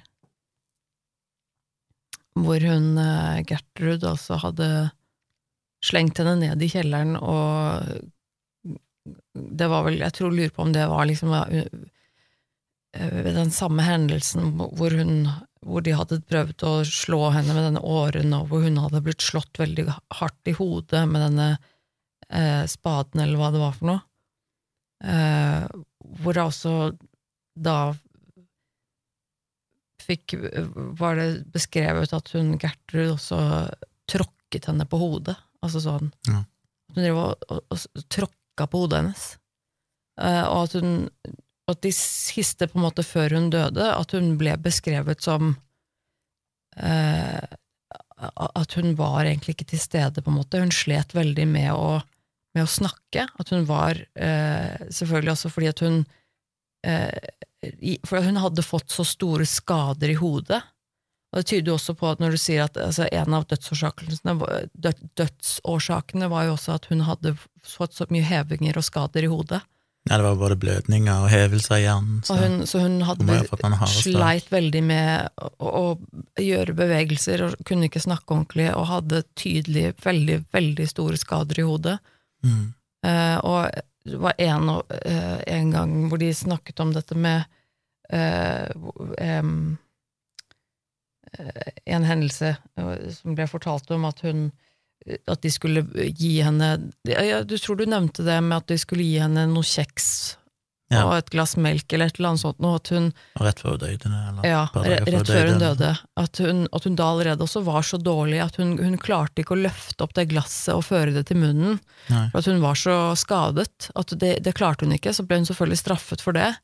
Eh, og eh, du sa også at du, hun, hadde, hun hadde fått noe kjeks som hun hadde eh, fått beskjed om å spise, og så hadde hun sagt et eller annet med at nei, gi det til hunden isteden. Mm. Det kan godt hende det skjedde, men at det skjedde også noe annet, eller at det var en eh, Eller at det var en eh, eh, feilbeskrivelse. Jeg hørte i hvert fall at hun hadde at hun hadde prøvd å spise desperat denne kjeksen eller det hun hadde fått av, av mat, men at hun ikke hadde klart å tygge det fordi at og Ja, for først så fikk hun jo toast, og det klarte hun ikke å svelge eller Ja, i seg, men og så etterpå fikk hun kjeks i kjelleren. Ja, men at hun hadde prøvd å spise det, men at hun hadde ytret at hun klarte det ikke fordi at hun kjente at tennene var helt løse i munnen hennes. Ja. At hun hadde snakket om at, nei, men at hun klarte ikke å tygge, altså, for hun hadde ikke at det, Hun hadde sikkert mista masse tenner, men at og tennene hennes var helt løse. Hun hadde jo blitt slått så mye. Um, og at det også var på en måte Nei, da fortjener du ikke. Eller altså, da, hadde Gertrud liksom bare tråkka på henne. Altså, det Men helt, dette her skjedde jo det, altså det er jo mye jeg har fortalt nå, men det skjedde jo relativt fort. Altså, Ja, hun, hun flytta jo inn der i juli 1965 døde og døde i oktober. Mm. Så det var bare kontinuerlig mishandling da i eh, ja, tre måneder eller noe sånt, Mm. som til slutt tok livet hennes. Jeg syns det er Men, men, men det som er med disse barna Det er jo helt... Det er det som er så rart. En kan jo først snakke om Gertrud, hvordan kunne hun gjøre de her tingene? Hun hadde jo ikke noe historikk med vold eller noen ting, hun hadde jo virka som hadde vært en helt normal kvinne, men hun var jo nesten 40 år når dette skjedde, så hun er jo godt voksen og levde et vanlig liv og klarte å oppdra en haug med unger. Og så var hun i en desperat situasjon, hadde ikke penger eller noen ting, åpenbart var sjuk, eh, på forskjellige måter, kanskje psykisk sjuk, men iallfall fysisk sjuk. Så hun hadde det ikke lett på noen selvs måte. Men det er så rart at hun allikevel bare kan klikke på den måten. Altså, hun kan bli så full av hat eller selvforakt som du tar ut på en annen person. Det, det gir liksom ingen mening. Hvorfor skulle hun bare plutselig bestemme seg for at hun her skal vi liksom bare torturere, og så i tillegg oppfordre både nabounger og sine egne unger til at nå kan dere gjøre som dere vil med henne, dytte henne ned trappa, Mm. og hun kan slå og banke henne opp. Jeg skjønner bare ikke logikken i det, hva som driver Nei, det var vel et eller annet altså jeg, Hun hadde vel ekstremt mye Altså hadde jo blitt utsatt for mye vold sjøl, da, disse ektemennene sine. Ja, altså det- at hun kanskje at, at det At det ble så mye for henne, at hun hadde så mye sinne eller og fortvilelse og alt mulig altså, i seg som ikke hun fikk noe utløp for, Ja. og som ikke fant noe plass. Og så ble det på en måte Så tok det en slags form i hennes da, eh, moralske eh, meninger liksom om, om dette med, med seksualitet og det umoralske oppførsel, og dette, at hun på en måte at noen, noen få sånne hint eh, om, om den type oppførselen i, i Sylvia skulle på en måte gi, lage en sånn kanal da, hvor hun bare fikk ut alt av sitt indre hat eh, mot Sylvia, hvor hun da på et eller annet vis ikke lenger ser Sylvia som et, et menneske, liksom. At hun er på en måte ikke et menneske med tanker og følelser lenger. Altså, en skjønner jo at det å ha ansvar for sju unger, der noen av de er veldig små, som du rett og slett ikke klarer å, å brødfø engang, som basically ikke får mat og ikke får klede og ikke har nok plass til at de kan Ja. sove i senga og ikke har nok bestikk og tallerkener Hun var jo kjempedesperat. En enorm frustrasjon, så skjønner jeg at det, det, du kan jo klikke av det, men det virker allikevel Jeg vet ikke, det må ha vært noe skam inne i bildet òg, siden hun valgte å ta på seg dette her navnet, Mrs. Wright, eller hva det var. Ja. Hun, for det, En skulle jo tro at det gikk an å søke hjelp, til og med på den tid i USA, at det fantes noen slags sosialarbeidere du kunne få hjelp av, men at ja, av en eller annen sånn av skam eller æresfølelse, så ville du ikke gjøre det. Kanskje for hun var redd for at hun hadde fått en unge utenfor ekteskap, og at det var så skamfullt at hun aldri det. Mm. Det er liksom rart at du velger heller enn å faktisk søke hjelp. Det kan jo selvfølgelig være hun har gjort det uten at det kommer fram i, Det kan hende, i historien her, at ikke hun har fått det, men det virker som hun fikk ungene sine på skolen og sånn, da. De faktisk gikk på skolen. Ja, for det tenkte jeg også på underveis, at det er nesten overraskende at de fikk lov å gå på skole, eller at de på en måte men det er jo litt overraskende at ingen har reagert, for de må jo ha vært Mm. underernærte, de ungene òg, på en eller annen måte. Ja, Det virker ikke som at hun hadde mye mat i huset, det. så gudene men, eh, men det var kanskje ikke så uvanlig å, å være det. Nei, det ikke Hvis de bodde i et fattig strøk, Altså, det var kanskje flere av ungene på skolen som på en måte hadde litt skitne klær, som Mm. Altså at, at det på en måte var ansett som normalt i gåsehudene. At det Ungene kan jeg jo på en måte forstå, eller ikke forstå, men unnskylde, for det når du er så liten, hvis det er det du har vokst opp med, og de kanskje har vært vitne til at uh, fedrene, eller iallfall mennene til mora, har vært voldelige, kanskje de har sett det, det er vel ikke urimelig å anta, opplevd mye, ikke lært seg eh, den type empati, eller skjønt hvordan det egentlig skal være, Mm. og de jo sannsynligvis er det vanskelig, fordi de kanskje ikke har nok mat, og, Ja. og har muligheten til å ta sin frustrasjon ut på noen, Og de har jo da kanskje riktig, vokst opp i et sånn type hjem, da, hvor de har fått inntrykk av at det er normalt. Og det er jo, det er jo en grunn til at vi ikke tiltaler barn for kriminalitet. Altså, det er jo en god grunn til at vi anser ikke noen for å skulle være tilregnelig for å være voksen nok til å stå for sine handlinger før de har nådd en viss alder. Det er jo, altså Barn er ikke moden nok i hodet sitt for å ta, kunne tenke den type konsekvenser. Paula hun var jo iallfall i hvert fall 17 år gammel da dette skjedde, så hun var jo sånn sett, Ja, ifølge norsk lov så ville hun være strafferettslig ansvarlig. Ja, det er sant. Og det, hun, jo, hun ble også straffet, da. Men det var jo nabounger her òg, som òg Ja. hadde vokst opp under mye bedre forhold, virker det som. Ja, Men men det vet vi jo ikke. Iallfall den ene, han som hun brukte som sin assistent, som muligens var elskeren hennes, 14 år gammel, han hadde jo vokst opp visstnok i en, i en helt vanlig middelklassefamilie og var en eksemplarisk elev på skolen Ja. og alt mulig sånn, og likevel så ble jo han òg manipulert til å begynne å, å være voldelig med Sylvia. Ja. Og det selvfølgelig kan jo ikke vite hvorfor det, eller hvordan, eller, eller sånn, men, men jeg kan jo jeg, Altså, når du er barn, så er du jo per definisjon veldig umoden. Og det er jo noe med likevel å da ikke nødvendigvis kanskje klare å skjønne konsekvenser, og jo, vi ser jo det på en måte normalt sett også på, på, på skole og sånn, at eh, barn mobber hverandre, og barn, barn er jo slemme med hverandre. Ja. Og det er jo ikke nødvendigvis noe galt med barn, men det er det sånn, du, du er ikke moden og voksen nok i hodet til å, til å forstå bedre, til å, og jeg tenker at når det er en voksen til stede, da, for hun Gertrud var jo voksen, og når hun da på en måte er en voksen som, som da sier at nei, her er det helt greit å være slem mot Sylvia. Og Sylvia er ikke, er ikke som de andre barna. Sylvia er ikke verdt noe. Hun er skitten og ekkel og er Jeg holdt jo de menneske. talene med ja, at Ikke hun var prostituert og skitten og Ja, og det er klart at det, er du bare et barn, det er da, sånn så Nei, da er det vel De voksne sier det, da er det vel sånn det er, da, og så Men det er jo to ting som er interessant. Det ene er jo at Marie, som jo bare var elleve år gammel, som jo endte opp med å til slutt sladre på mor si i rettssaken Ja. Helt åpenbart mm. at hun skjønte jo at det var galt, det de hadde gjort. Mm. For hun sa jo det til slutt, at hun orka ikke lyge mer, og forklarte jo hva som egentlig hadde skjedd. Så det, det, viser jo at hun, ja, hun som en av de yngste av de, skjønte jo at dette var galt, Ja. så da kan en jo anta at de andre òg innerst inne skjønte at dette her var galt, men Ja. det kan jo selvfølgelig være frykt for mora, selv om det kommer ikke fram noen plasser at hun var voldelig mot sine egne unger på noe tidspunkt. Men det er på en måte likevel litt sånn interessant, det der, fordi at eh, det ene utelukker nødvendigvis ikke det andre. Det er noe med at, eh, at eh, et, et barn som vokser opp i et hjem som er veldig altså, voldelig, eller eh, altså i omstendigheter som dette barnet egentlig ikke skulle ha opplevd, så eh, vi, så vil man jo finne tilfeller da likevel hvor dette barnet på et vis kjenner på ubehag, ikke sant? For det er noe med dette fysiske ubehaget, det er noe med at du eh, du kan på en måte lese omstendighetene nok til å skjønne at det er noe, det er noe som er vondt.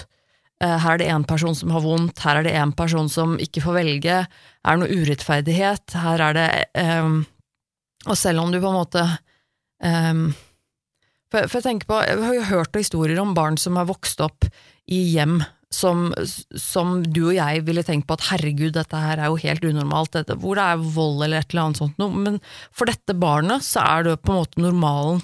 For det er sånn det er bare hjemme hos dette barnet, liksom. Det er bare sånn det er, og det er normalt. Men likevel så kan man jo ha følelser av at det ikke er greit, alltid. Ja, Så så hadde de jo helt åpenbart ikke noe TV eller noe sånt heller, så de Nei, hadde jo veldig sant. lite referanse. Ja, og det, altså, er- det er noe med vet vi jo at heller ikke at hvis de er vokst opp veldig fattig, skitne, alt det der, så kan de jo òg være utsatt for mye mobbing på skolen, som òg kan ha gjort at de igjen da hadde behov for å ta ut sinnet sitt Ja. på noen. Det kan være så mange ting da, som ikke vi vet. Og jeg tenker at, eh, at barn i, sånne situasjoner så er det ganske komplekst. At selv om at du, at du kan ha en slags indre en indre følelse av at noe er galt eller noe er vondt. Altså, for, altså eh, vi reagerer Vi har jo på en måte noen instinkter i oss, da, alle mennesker som som, hvor, hjernen vår er bygget til å på en måte ikke like smerte, eksempel. Er det noe som gjør fysisk vondt, så vil på en måte hjernen vår si fra til oss at oi, dette er farlig og skummelt, unngå dette, ikke sant. Så, som vi på en måte er programmert til på et eller annet vis. Eh, Og jeg tenker at det, det, det er jo det, det er på en måte mulig å ha begge deler, selv om du tenker at ja, dette er jo helt normalt, her er det, dette er jo hjemmet jeg er i hver dag, jeg har aldri hatt noe annet enn dette her, jeg vet ikke hvordan andre har det hjemme hos seg med sin familie, så dette er helt normalt for meg, men likevel så gjør det jo vondt når noen slår deg. Så det er på en måte, det blir jo en sånn merkelig dissonans, men uh, Det kan ha jo gitt en, en viss statusfølelse òg til de guttene, når de Ja, kunne invitere nabogutter inn, altså for å se ei naken jente, tenåringsjente som var eldre enn de, må sikkert vært veldig stas, ikke sant, og så fikk de litt status, for at da er det kanskje lettere å være med på det som mora foreslår, når Ja. de føler at de får en slags gevinst ifra Ja, og det er det jeg tenkte på i stad også, uh, akkurat det der, at, eh, at det kan jo hende han nabogutten også, som du snakket om, eh, som, var mye, som gjorde mye av dette, at han syntes det var litt spennende å få lov til å gjøre ting han ikke fikk lov til. Ikke sant? At han kanskje hadde en, en viss eh, eh, anelse om at dette her er jo egentlig ikke lov, men, men at man syns det er spennende og gøy å gjøre ting som ikke er lov.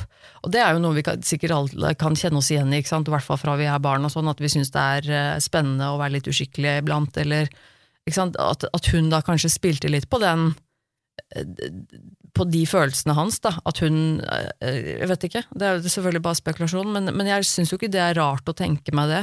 At han eh, eh, At han på en måte syns det var kanskje litt sånn Oi, det var spennende, det her er ulovlig og skummelt, eller liksom kult og Jeg vet ikke. Det andre som er veldig rart, det er selvfølgelig hvor lite folk rundt de reagerte, spesielt de her familiens, eller hva det heter, de her naboene, ja, naboen, ja. som jo helt åpenbart så at Sylvia ble utsatt for vold.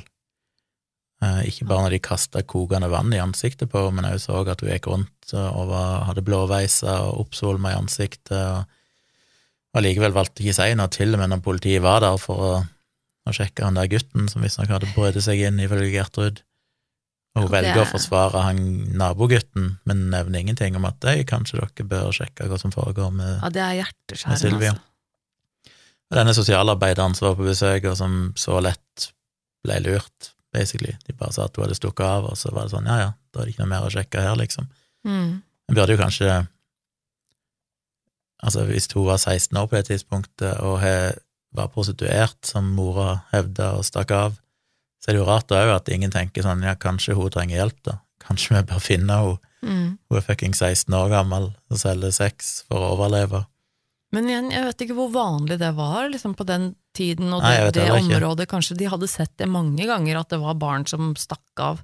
Og vi vet jo det at Nå vet vi ikke helt hvilket område dette var, men hvis det var et fattig område, så er vi jo så er jo aldri politiet vært spesielt gode med å følge opp fattige Nei mennesker. nei, og det er også et poeng, at, de, at det kan hende det er noen myndigheter og, og sånn som på en måte egentlig ikke bryr seg så mye, eller ikke velger å ikke legge ressurser i det å følge opp fattige Mm. og, og familier i fattige strøk. Det er jo dessverre også noe vi på en måte kan kjenne litt igjen i eh, tendenser av. Og det er, jo selvfølgelig drittrist. Men jeg tenker også på de naboene, om det kan være en, en sånn For jeg, for jeg synes jo at Jeg tenker jo at vår naturlige reaksjon er jo å bare fordømme det med en gang, og bare tenke herregud, at ikke de gjorde noe, at ikke de bare Ja. ringte noen, ikke de tok Silvia ut av huset og begynte å ikke sant? Og så tenker jeg sånn at Men kan det være noe Kan det være noe, en del av det som er også den derre den, den automatiske litt sånn redselen vi har for å bry oss for mye om andres greier. Mm. Eh, og den derre Det som vi også har sett til en viss grad så skjønner jeg jo det. Eh, men- Men også for eksempel det du kan se på, på gata hvis det, er noen, hvis det er en ulykke eller et eller annet som har skjedd, hvor folk på en måte har en tendens til å bare samle seg rundt og se på uten å egentlig gjøre noen ting. Eh, hvordan den der gruppedynamikken der eh, påvirker oss til å bare men jeg har ikke noe med dette å gjøre, jeg skal ikke legge meg opp i Jeg skal ikke bry meg for mye. Men det er spesielt allikevel, for stort sett så har folk en tendens til å bry seg. Stort Ja, sett så Jeg engasjerer hå- folk seg. Vil jo tro det, Og håper jeg skjønner det at hvis du bare hører noen lyder fra nabohuset, så kan det være litt sånn Ok, jeg må ikke tenke det verste, liksom. Kan ikke, Ja. Det vil skape mye oppstyr hvis jeg får politiet til å komme på døra. Da kommer jeg aldri til å kunne se dem. Mm. i øynene igjen. Men når du faktisk ser noen bli utsatt for å få kasta kokende vann i trynet, og ser at de er helt forslåtte og Ja. oppsvolma, da, da er det ingen unnskyldning lenger, liksom. Nei, jeg tenker jo også det. At det er helt utenk... Altså, jeg, jeg tenker jo jeg skjønner det er vanskelig. Jeg husker jeg bodde på i ei blokk i, eh, i, på Tøyen i Oslo, og så hørte jeg plutselig noe krangling fra nabo, naboleiligheten, Mm. og gikk ut på balkongen min for å se, og da satt det noen på utsida der, og så hørte jeg plutselig et sånt slag, Oi. men jeg så det ikke.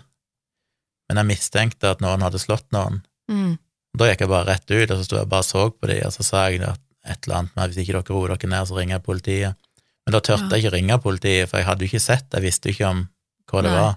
Nei. Hadde jeg sett at noen faktisk ble slått, så hadde jeg ringt politiet, men jeg, jeg Ja. gjorde det jo veldig tydelig at jeg observerer dere, ser hva som foregår, Ja. slutt med det nå, liksom.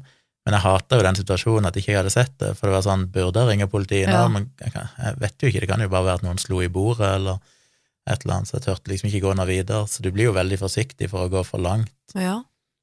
Men til og med i en sånn situasjon, så, så tenker jeg de fleste vil føle at du må reagere på et eller annet vis. Jeg, jeg klarer ikke å unnskylde de der Vermillions, eller hva de heter for noe, de naboene, men jeg kan unnskylde andre naboer som bare hørte lyder og, og litt sånne ting, at de kanskje føler at det er vanskelig å gripe inn, for vi vet jo ikke egentlig hva som foregår her. Ja, men, det er det de mener også, med, men, men hva er det som skjer i hodet på folk, da? Altså, jeg mener de, de menneskene som er ute, og som blir stående og ser på et, et menneske i nød, en ulykke eller et eller annet sånt noe, som, hvor det er en gruppe mennesker som blir stående og se på, liksom, uten å gjøre noe.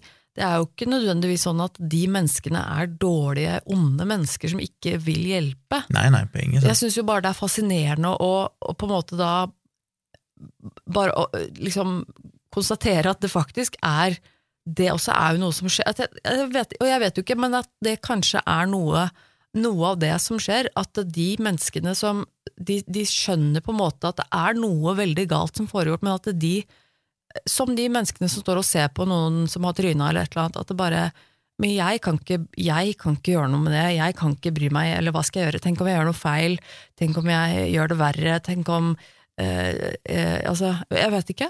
Eh, det er bare veldig fascinerende. Jeg tror det er eh, Jeg lurer liksom på, jeg tenker, jeg litt ublikkelig sånn Er det en sånn er det en, eh, en målbar forskjell på folk, på en måte, den reaksjonen der? Er det sånn at noen mennesker på en måte eh, reagerer sånn som deg med oss, på en måte da kanskje eh, gå og si fra og si hei, nå, nå må dere være stille, eller så gjør jeg noe. Eh, en annen person som kanskje hadde blitt redd, eh, kanskje, tenkte at oi, herregud, tenk, tenk om det skjer noe farlig, tenk om de er farlige, de naboene her, oi, nå må jeg, oh, jeg håper ikke de ser meg, at jeg, ikke sant? Um, tror det er veldig situasjonsbetinget. ja, helt sikkert, Jeg tror jeg jeg kunne reagert på én en måte i en situasjon, og helt annen måte i en annen situasjon. Ja, Og Det kommer veldig an på om du er alene.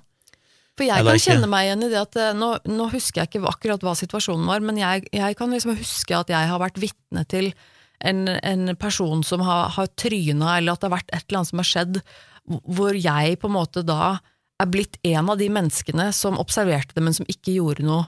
Og ikke nødvendigvis fordi at jeg ikke ville gjøre noe, men jeg merka da at i den situasjonen at jeg ble litt sånn Altså, jeg stivna litt. At jeg ble litt sånn Men jeg er veldig bevisst på det, for at jeg er nok en person som har en tendens til å overanalysere og overtenke ting, og dermed handle for seint. Så jeg opplevde en gang eh, jeg var noen som etter en konsert på Øyafestivalen, og alle storma ut av konsertområdet etter siste konsert og gikk i flokk tilbake igjen mot Oslo sentrum. Så var det plutselig ei som bare plutselig, bong, bare datt med ansiktet først rett ned i veien med, og begynte å silblø. Jeg vet ikke hva som skjedde, det virka som Mm. hun bare, hun bare gikk, og så i neste øyeblikk så bare hun snubla ikke eller noen ting. Hun bare liksom besvimte og datt med ansiktet rett ned og silblødde. Mm. Og da var jeg veldig bevisst på at selv om det var bokstavelig talt hundrevis av mennesker rundt, så sprang jeg bort Mm. med et par venner og begynte å dro henne ut av veien, og liksom Mm. Og så heldigvis da, så var det noen uh, legestud- medisinstudenter som kom, altså de som tok over. Mm. Eh, mens i en annen situasjon, da vet jeg eh, bror min var vitne til en, en eh, lokal fyr som kjørte, krasja i et tre med moped og endte opp med å dø. Oi. Men i den, da var det en flokk som sto og så på midt på natta, og så kjørte han i fyll og kjørte rett inn i et tre, og så Da sprang jo broren min fram Ja. Og hjalp med en gang, og ga han munn til munn, og svelgte jo masse blod og sånn, for han blødde jo ut av alt og sånn, og Uff, ja. fram til ambulansen kom. Men i den situasjonen så tror jeg fort jeg kunne blitt mer passiv, for da var det ja. mange andre som jeg delvis kjenner rundt meg, og jeg hadde kanskje tenkt at ja, det er sikkert noen andre her som er bedre i stand til å gjøre noe enn meg. Nei, jeg vet ikke hva jeg skal gjøre. Noen av de andre må gjøre det, for de er, de, de, noen av de andre her vet sikkert bedre hva de skal gjøre. Jeg vet Jeg tror nok min bror har en helt annen mentalitet enn meg. Han er mye mer selvsikker. Han er sånn Nei, dette skal jeg fikse med en gang. Ja. Jeg tror ikke det er ikke noe tvil hos han. Mens jeg er mye mer sånn Er jeg egentlig den best rusta her i denne flokken til å Ja. gjøre noe, eller bør jeg se om den andre tar? Så jeg tror det er litt personlighet, litt situasjon. For jeg har jo handla i andre situasjoner, som sagt, selv om det var hundrevis av mennesker rundt Ja. meg. Same. Jeg har liksom Så også opplevd begge deler. Ja, det er, og det er veldig, det er veldig rart. Altså, Det er veldig fascinerende merkelig, egentlig. Hvordan vi på en måte kan tror ikke det er enten-eller, men jeg, jeg skjønner veldig godt det der med naboeffekten, holdt jeg på å si, det at du hører noe skje hos naboen, og du ikke egentlig vet eller så noe, så skjønner jeg at det er vanskelig å reagere. Så vet vi ikke hva de naboene observerte, da. En skulle jo tro at de må ha sett de ungene og visst at det sto ganske dårlig til med den familien, og at i sum så burde de kanskje ha reagert, når de da i tillegg hørte det som Ja. kunne tolkes som rop om hjelp. Men gudene vet, vi vet jo altfor lite om situasjonen her, og avstander og connections. Kan jo bare håpe at hvis det er noe lignende nå som, som skjer her i Norge, eller med noen som hører på, alt si, at, at man velger å heller ringe noen en gang for mye enn en gang for lite. Ja, så man har at mistanke om at det er noen som blir eh, mishandla, eller eh, altså den type ting. Og det er jo heldigvis noe som har vært eh, veldig mye snakket om eh, de siste åra, føler jeg, i forhold til dette Ja. med varsling i barnehager, og hvis det er mistanke om at det er et barn som, eh, som har noen rare blåmerker, og at man skal helst si fra en gang for mye, og, og det, altså de tingene der, da. Det tror jeg er veldig viktig. det er nok mye bedre bevisst på det nå, ja, enn i den tida. Mm, Og det er vel egentlig der jeg syns det svikter mest, det er jo hos det offentlige i denne historien òg, da, med sosialarbeideren og alt dette her. Jeg håper jo at det hadde blitt fulgt nærmere opp med at de sjekka opp igjen, kom tilbake en uke etterpå, eller det er veldig trist. at ikke det er bare sånn her, her er det ikke noe problem, og så går det igjen, og så blir det aldri fulgt opp noe videre. For hun òg burde jo ha registrert hvor skittent det var, og alt det der. Så Ja. det burde vært en, et rødt flagg. Men iallfall, vi skal vi holdt på lenge, over en halvannen time. Oi, oi, oi. Ja. Så vi må tenke grusomhetsskala. Ja, for meg så minner denne saken her meg litt om den Junko Foruta-saken. Den, den blir på en måte litt sånn eh, At det er at det, det er så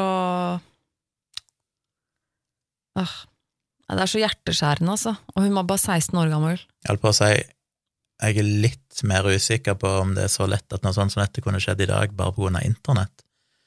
Ja, kanskje det? Jeg husker på disse her ungene hadde ikke telefon, de hadde ikke TV. Mm. Altså, det eneste måten å snakke med folk var fysisk snakke med dem.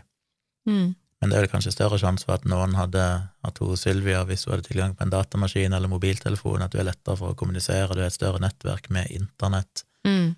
Bekjente der du kan legge ut et slags rop om hjelp og sånn. Ikke at ikke dette her skjer i dag òg, sikkert, eller kan skje, men det føles som at de var veldig mye mer isolerte enn det de, den jevne ungdom ville vært i dag. Ja. Nesten uansett hvor fattige de er.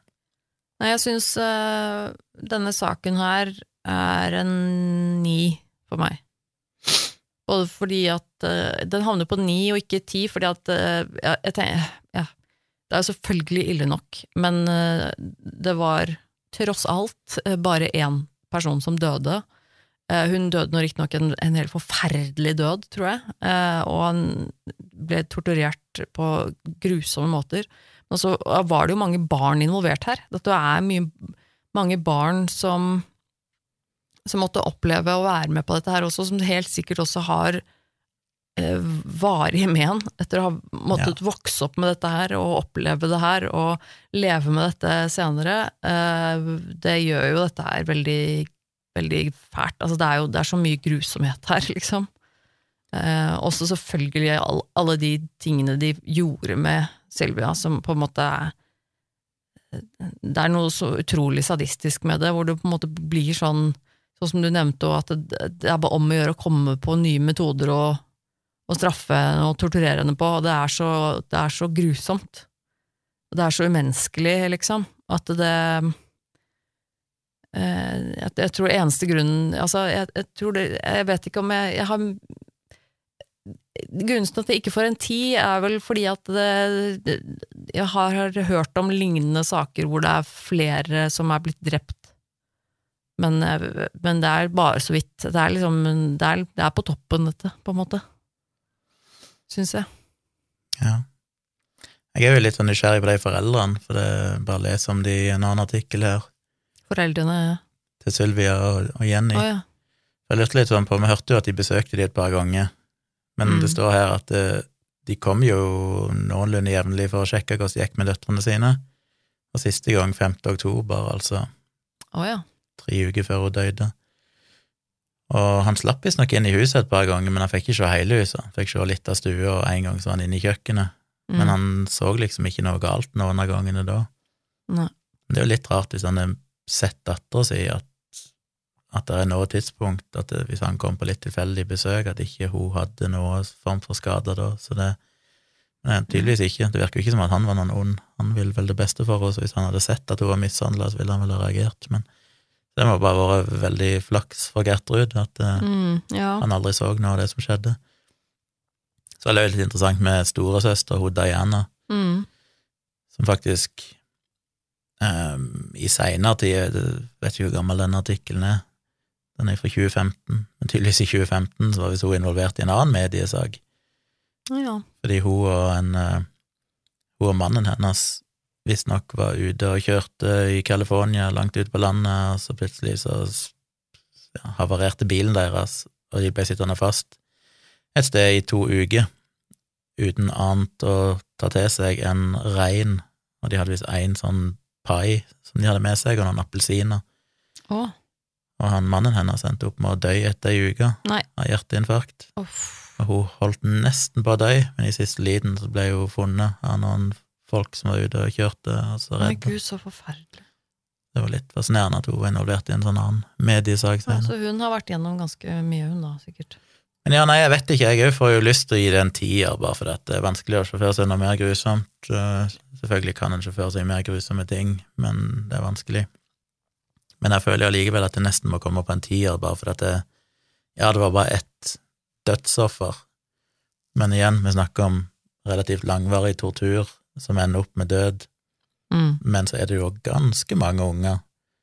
Det kan være sånn 10-15 unger og ungdommer som er involvert, som jo alle må ha levd videre med en enorm skyldfølelse eller en enorm, psykisk traumatis traumatisering. Ja. Og da noen av de, sånn som han ene, da åpenbart fikk et totalt sammenbrudd når de gikk opp, for han kan egentlig hadde vært med på endte opp med å røyke seg i hjel. Ja. Altså, de, de kan ikke Det er mange offer her. ja, det er det, altså. Og så kan en jo selvfølgelig si at Gertrud òg var et offer før dette skjedde, med at hun òg selvfølgelig levde et vanskelig liv med fattigdom og mye vold. Og, så det er liksom alle her er jo ofre på en eller annen måte, Mm. og det er bare grusomt, hele greia. Så det, Ti, jeg gir den en liksom. tier, jeg, bare for å, Ja. å ha gjort det. Vi gav kanskje en tier til hun Fu- Furu... Fu, Junko Foruta. Jeg husker ikke hva jeg ga henne, eh, eller saken der, men den er også jeg gir det ti. helt forferdelig. Ja. Um, ja, men så bra. Holdt jeg på å si. Ikke bra, men Nei. så fint. Da, har vi, da ble det en lang episode. Vi fikk jo tatt igjen litt for en eh, Ja. tapt eh, forrige uke, da. nesten, nesten to episoder etter. Så kan vi jo si at det var en slags trøst. Um, ja, nei, unnskyld, legger jo som vanlig med noen linker, hvis noen vil vi. eh, sjekke ut ting og tang om denne historien. Fortsett å sende noen tips. Jeg skal prøve å bli flinkere å gå ned i bunnen av innboksen og jobbe meg oppover. Ja, for å gjøre det litt blant. Det, Så så jeg jo blant annet at det andre tipset vi fikk, eller sånn, tilbake igjen i høsten 2020, handla jo om han eh, japaneren som ble utsatt for så enorm mengde med stråling at hele oh, huden ja. tatt sånn. mm, Den historien fortalte vi basert på et nytt tips, men vi hadde jo faktisk fått Ja. det tipset for nesten to år siden, så okay, beklager sånn, ja. til ja, nei, det, det, det, vi, ja. Men vi, uansett så setter vi jo pris på alle tipsene, for det, er så- som, sånn som nå, i dag, plutselig så er det et tips som er kommet inn for lenge siden, som dukker opp, og så blir det det også. Og det er alltid litt sånn, vi prøver jo å variere litt grann i type fortelling og så videre. Så fortsett å sende inn eh, tips til oss på virkelig grusomt at gmail.com. Um, og så eh, ta så gjerne rate oss i podcast-appen din hvis du liker podcasten vår. Det setter vi stor pris på. Ja, vi har fått en del gode kommentarer i det siste, og mange hyggelige stjerner, så fortsett med det. Jo høyere vi kan komme på stjernehimmelen, jo flere finner denne podkasten, og det setter vi jo veldig pris på. Det gjør vi. Så takk for at dere har lytta og hørt helt fram til nå i en lang episode. Og så, eh, ja Så håper vi å være tilbake igjen i neste uke, hvis ikke noe uforutsett skjer. Ja, nei, vi satser jo på det, selvfølgelig. Det er planen å komme med en ukentlig episode stort sett på mandager. Takk Så fortsett du, litt. takk for at dere hører på, folkens. Vi setter stor pris på dere. Mm. Så høres vi igjen om ei uke. Ja. Ha det. Ha det.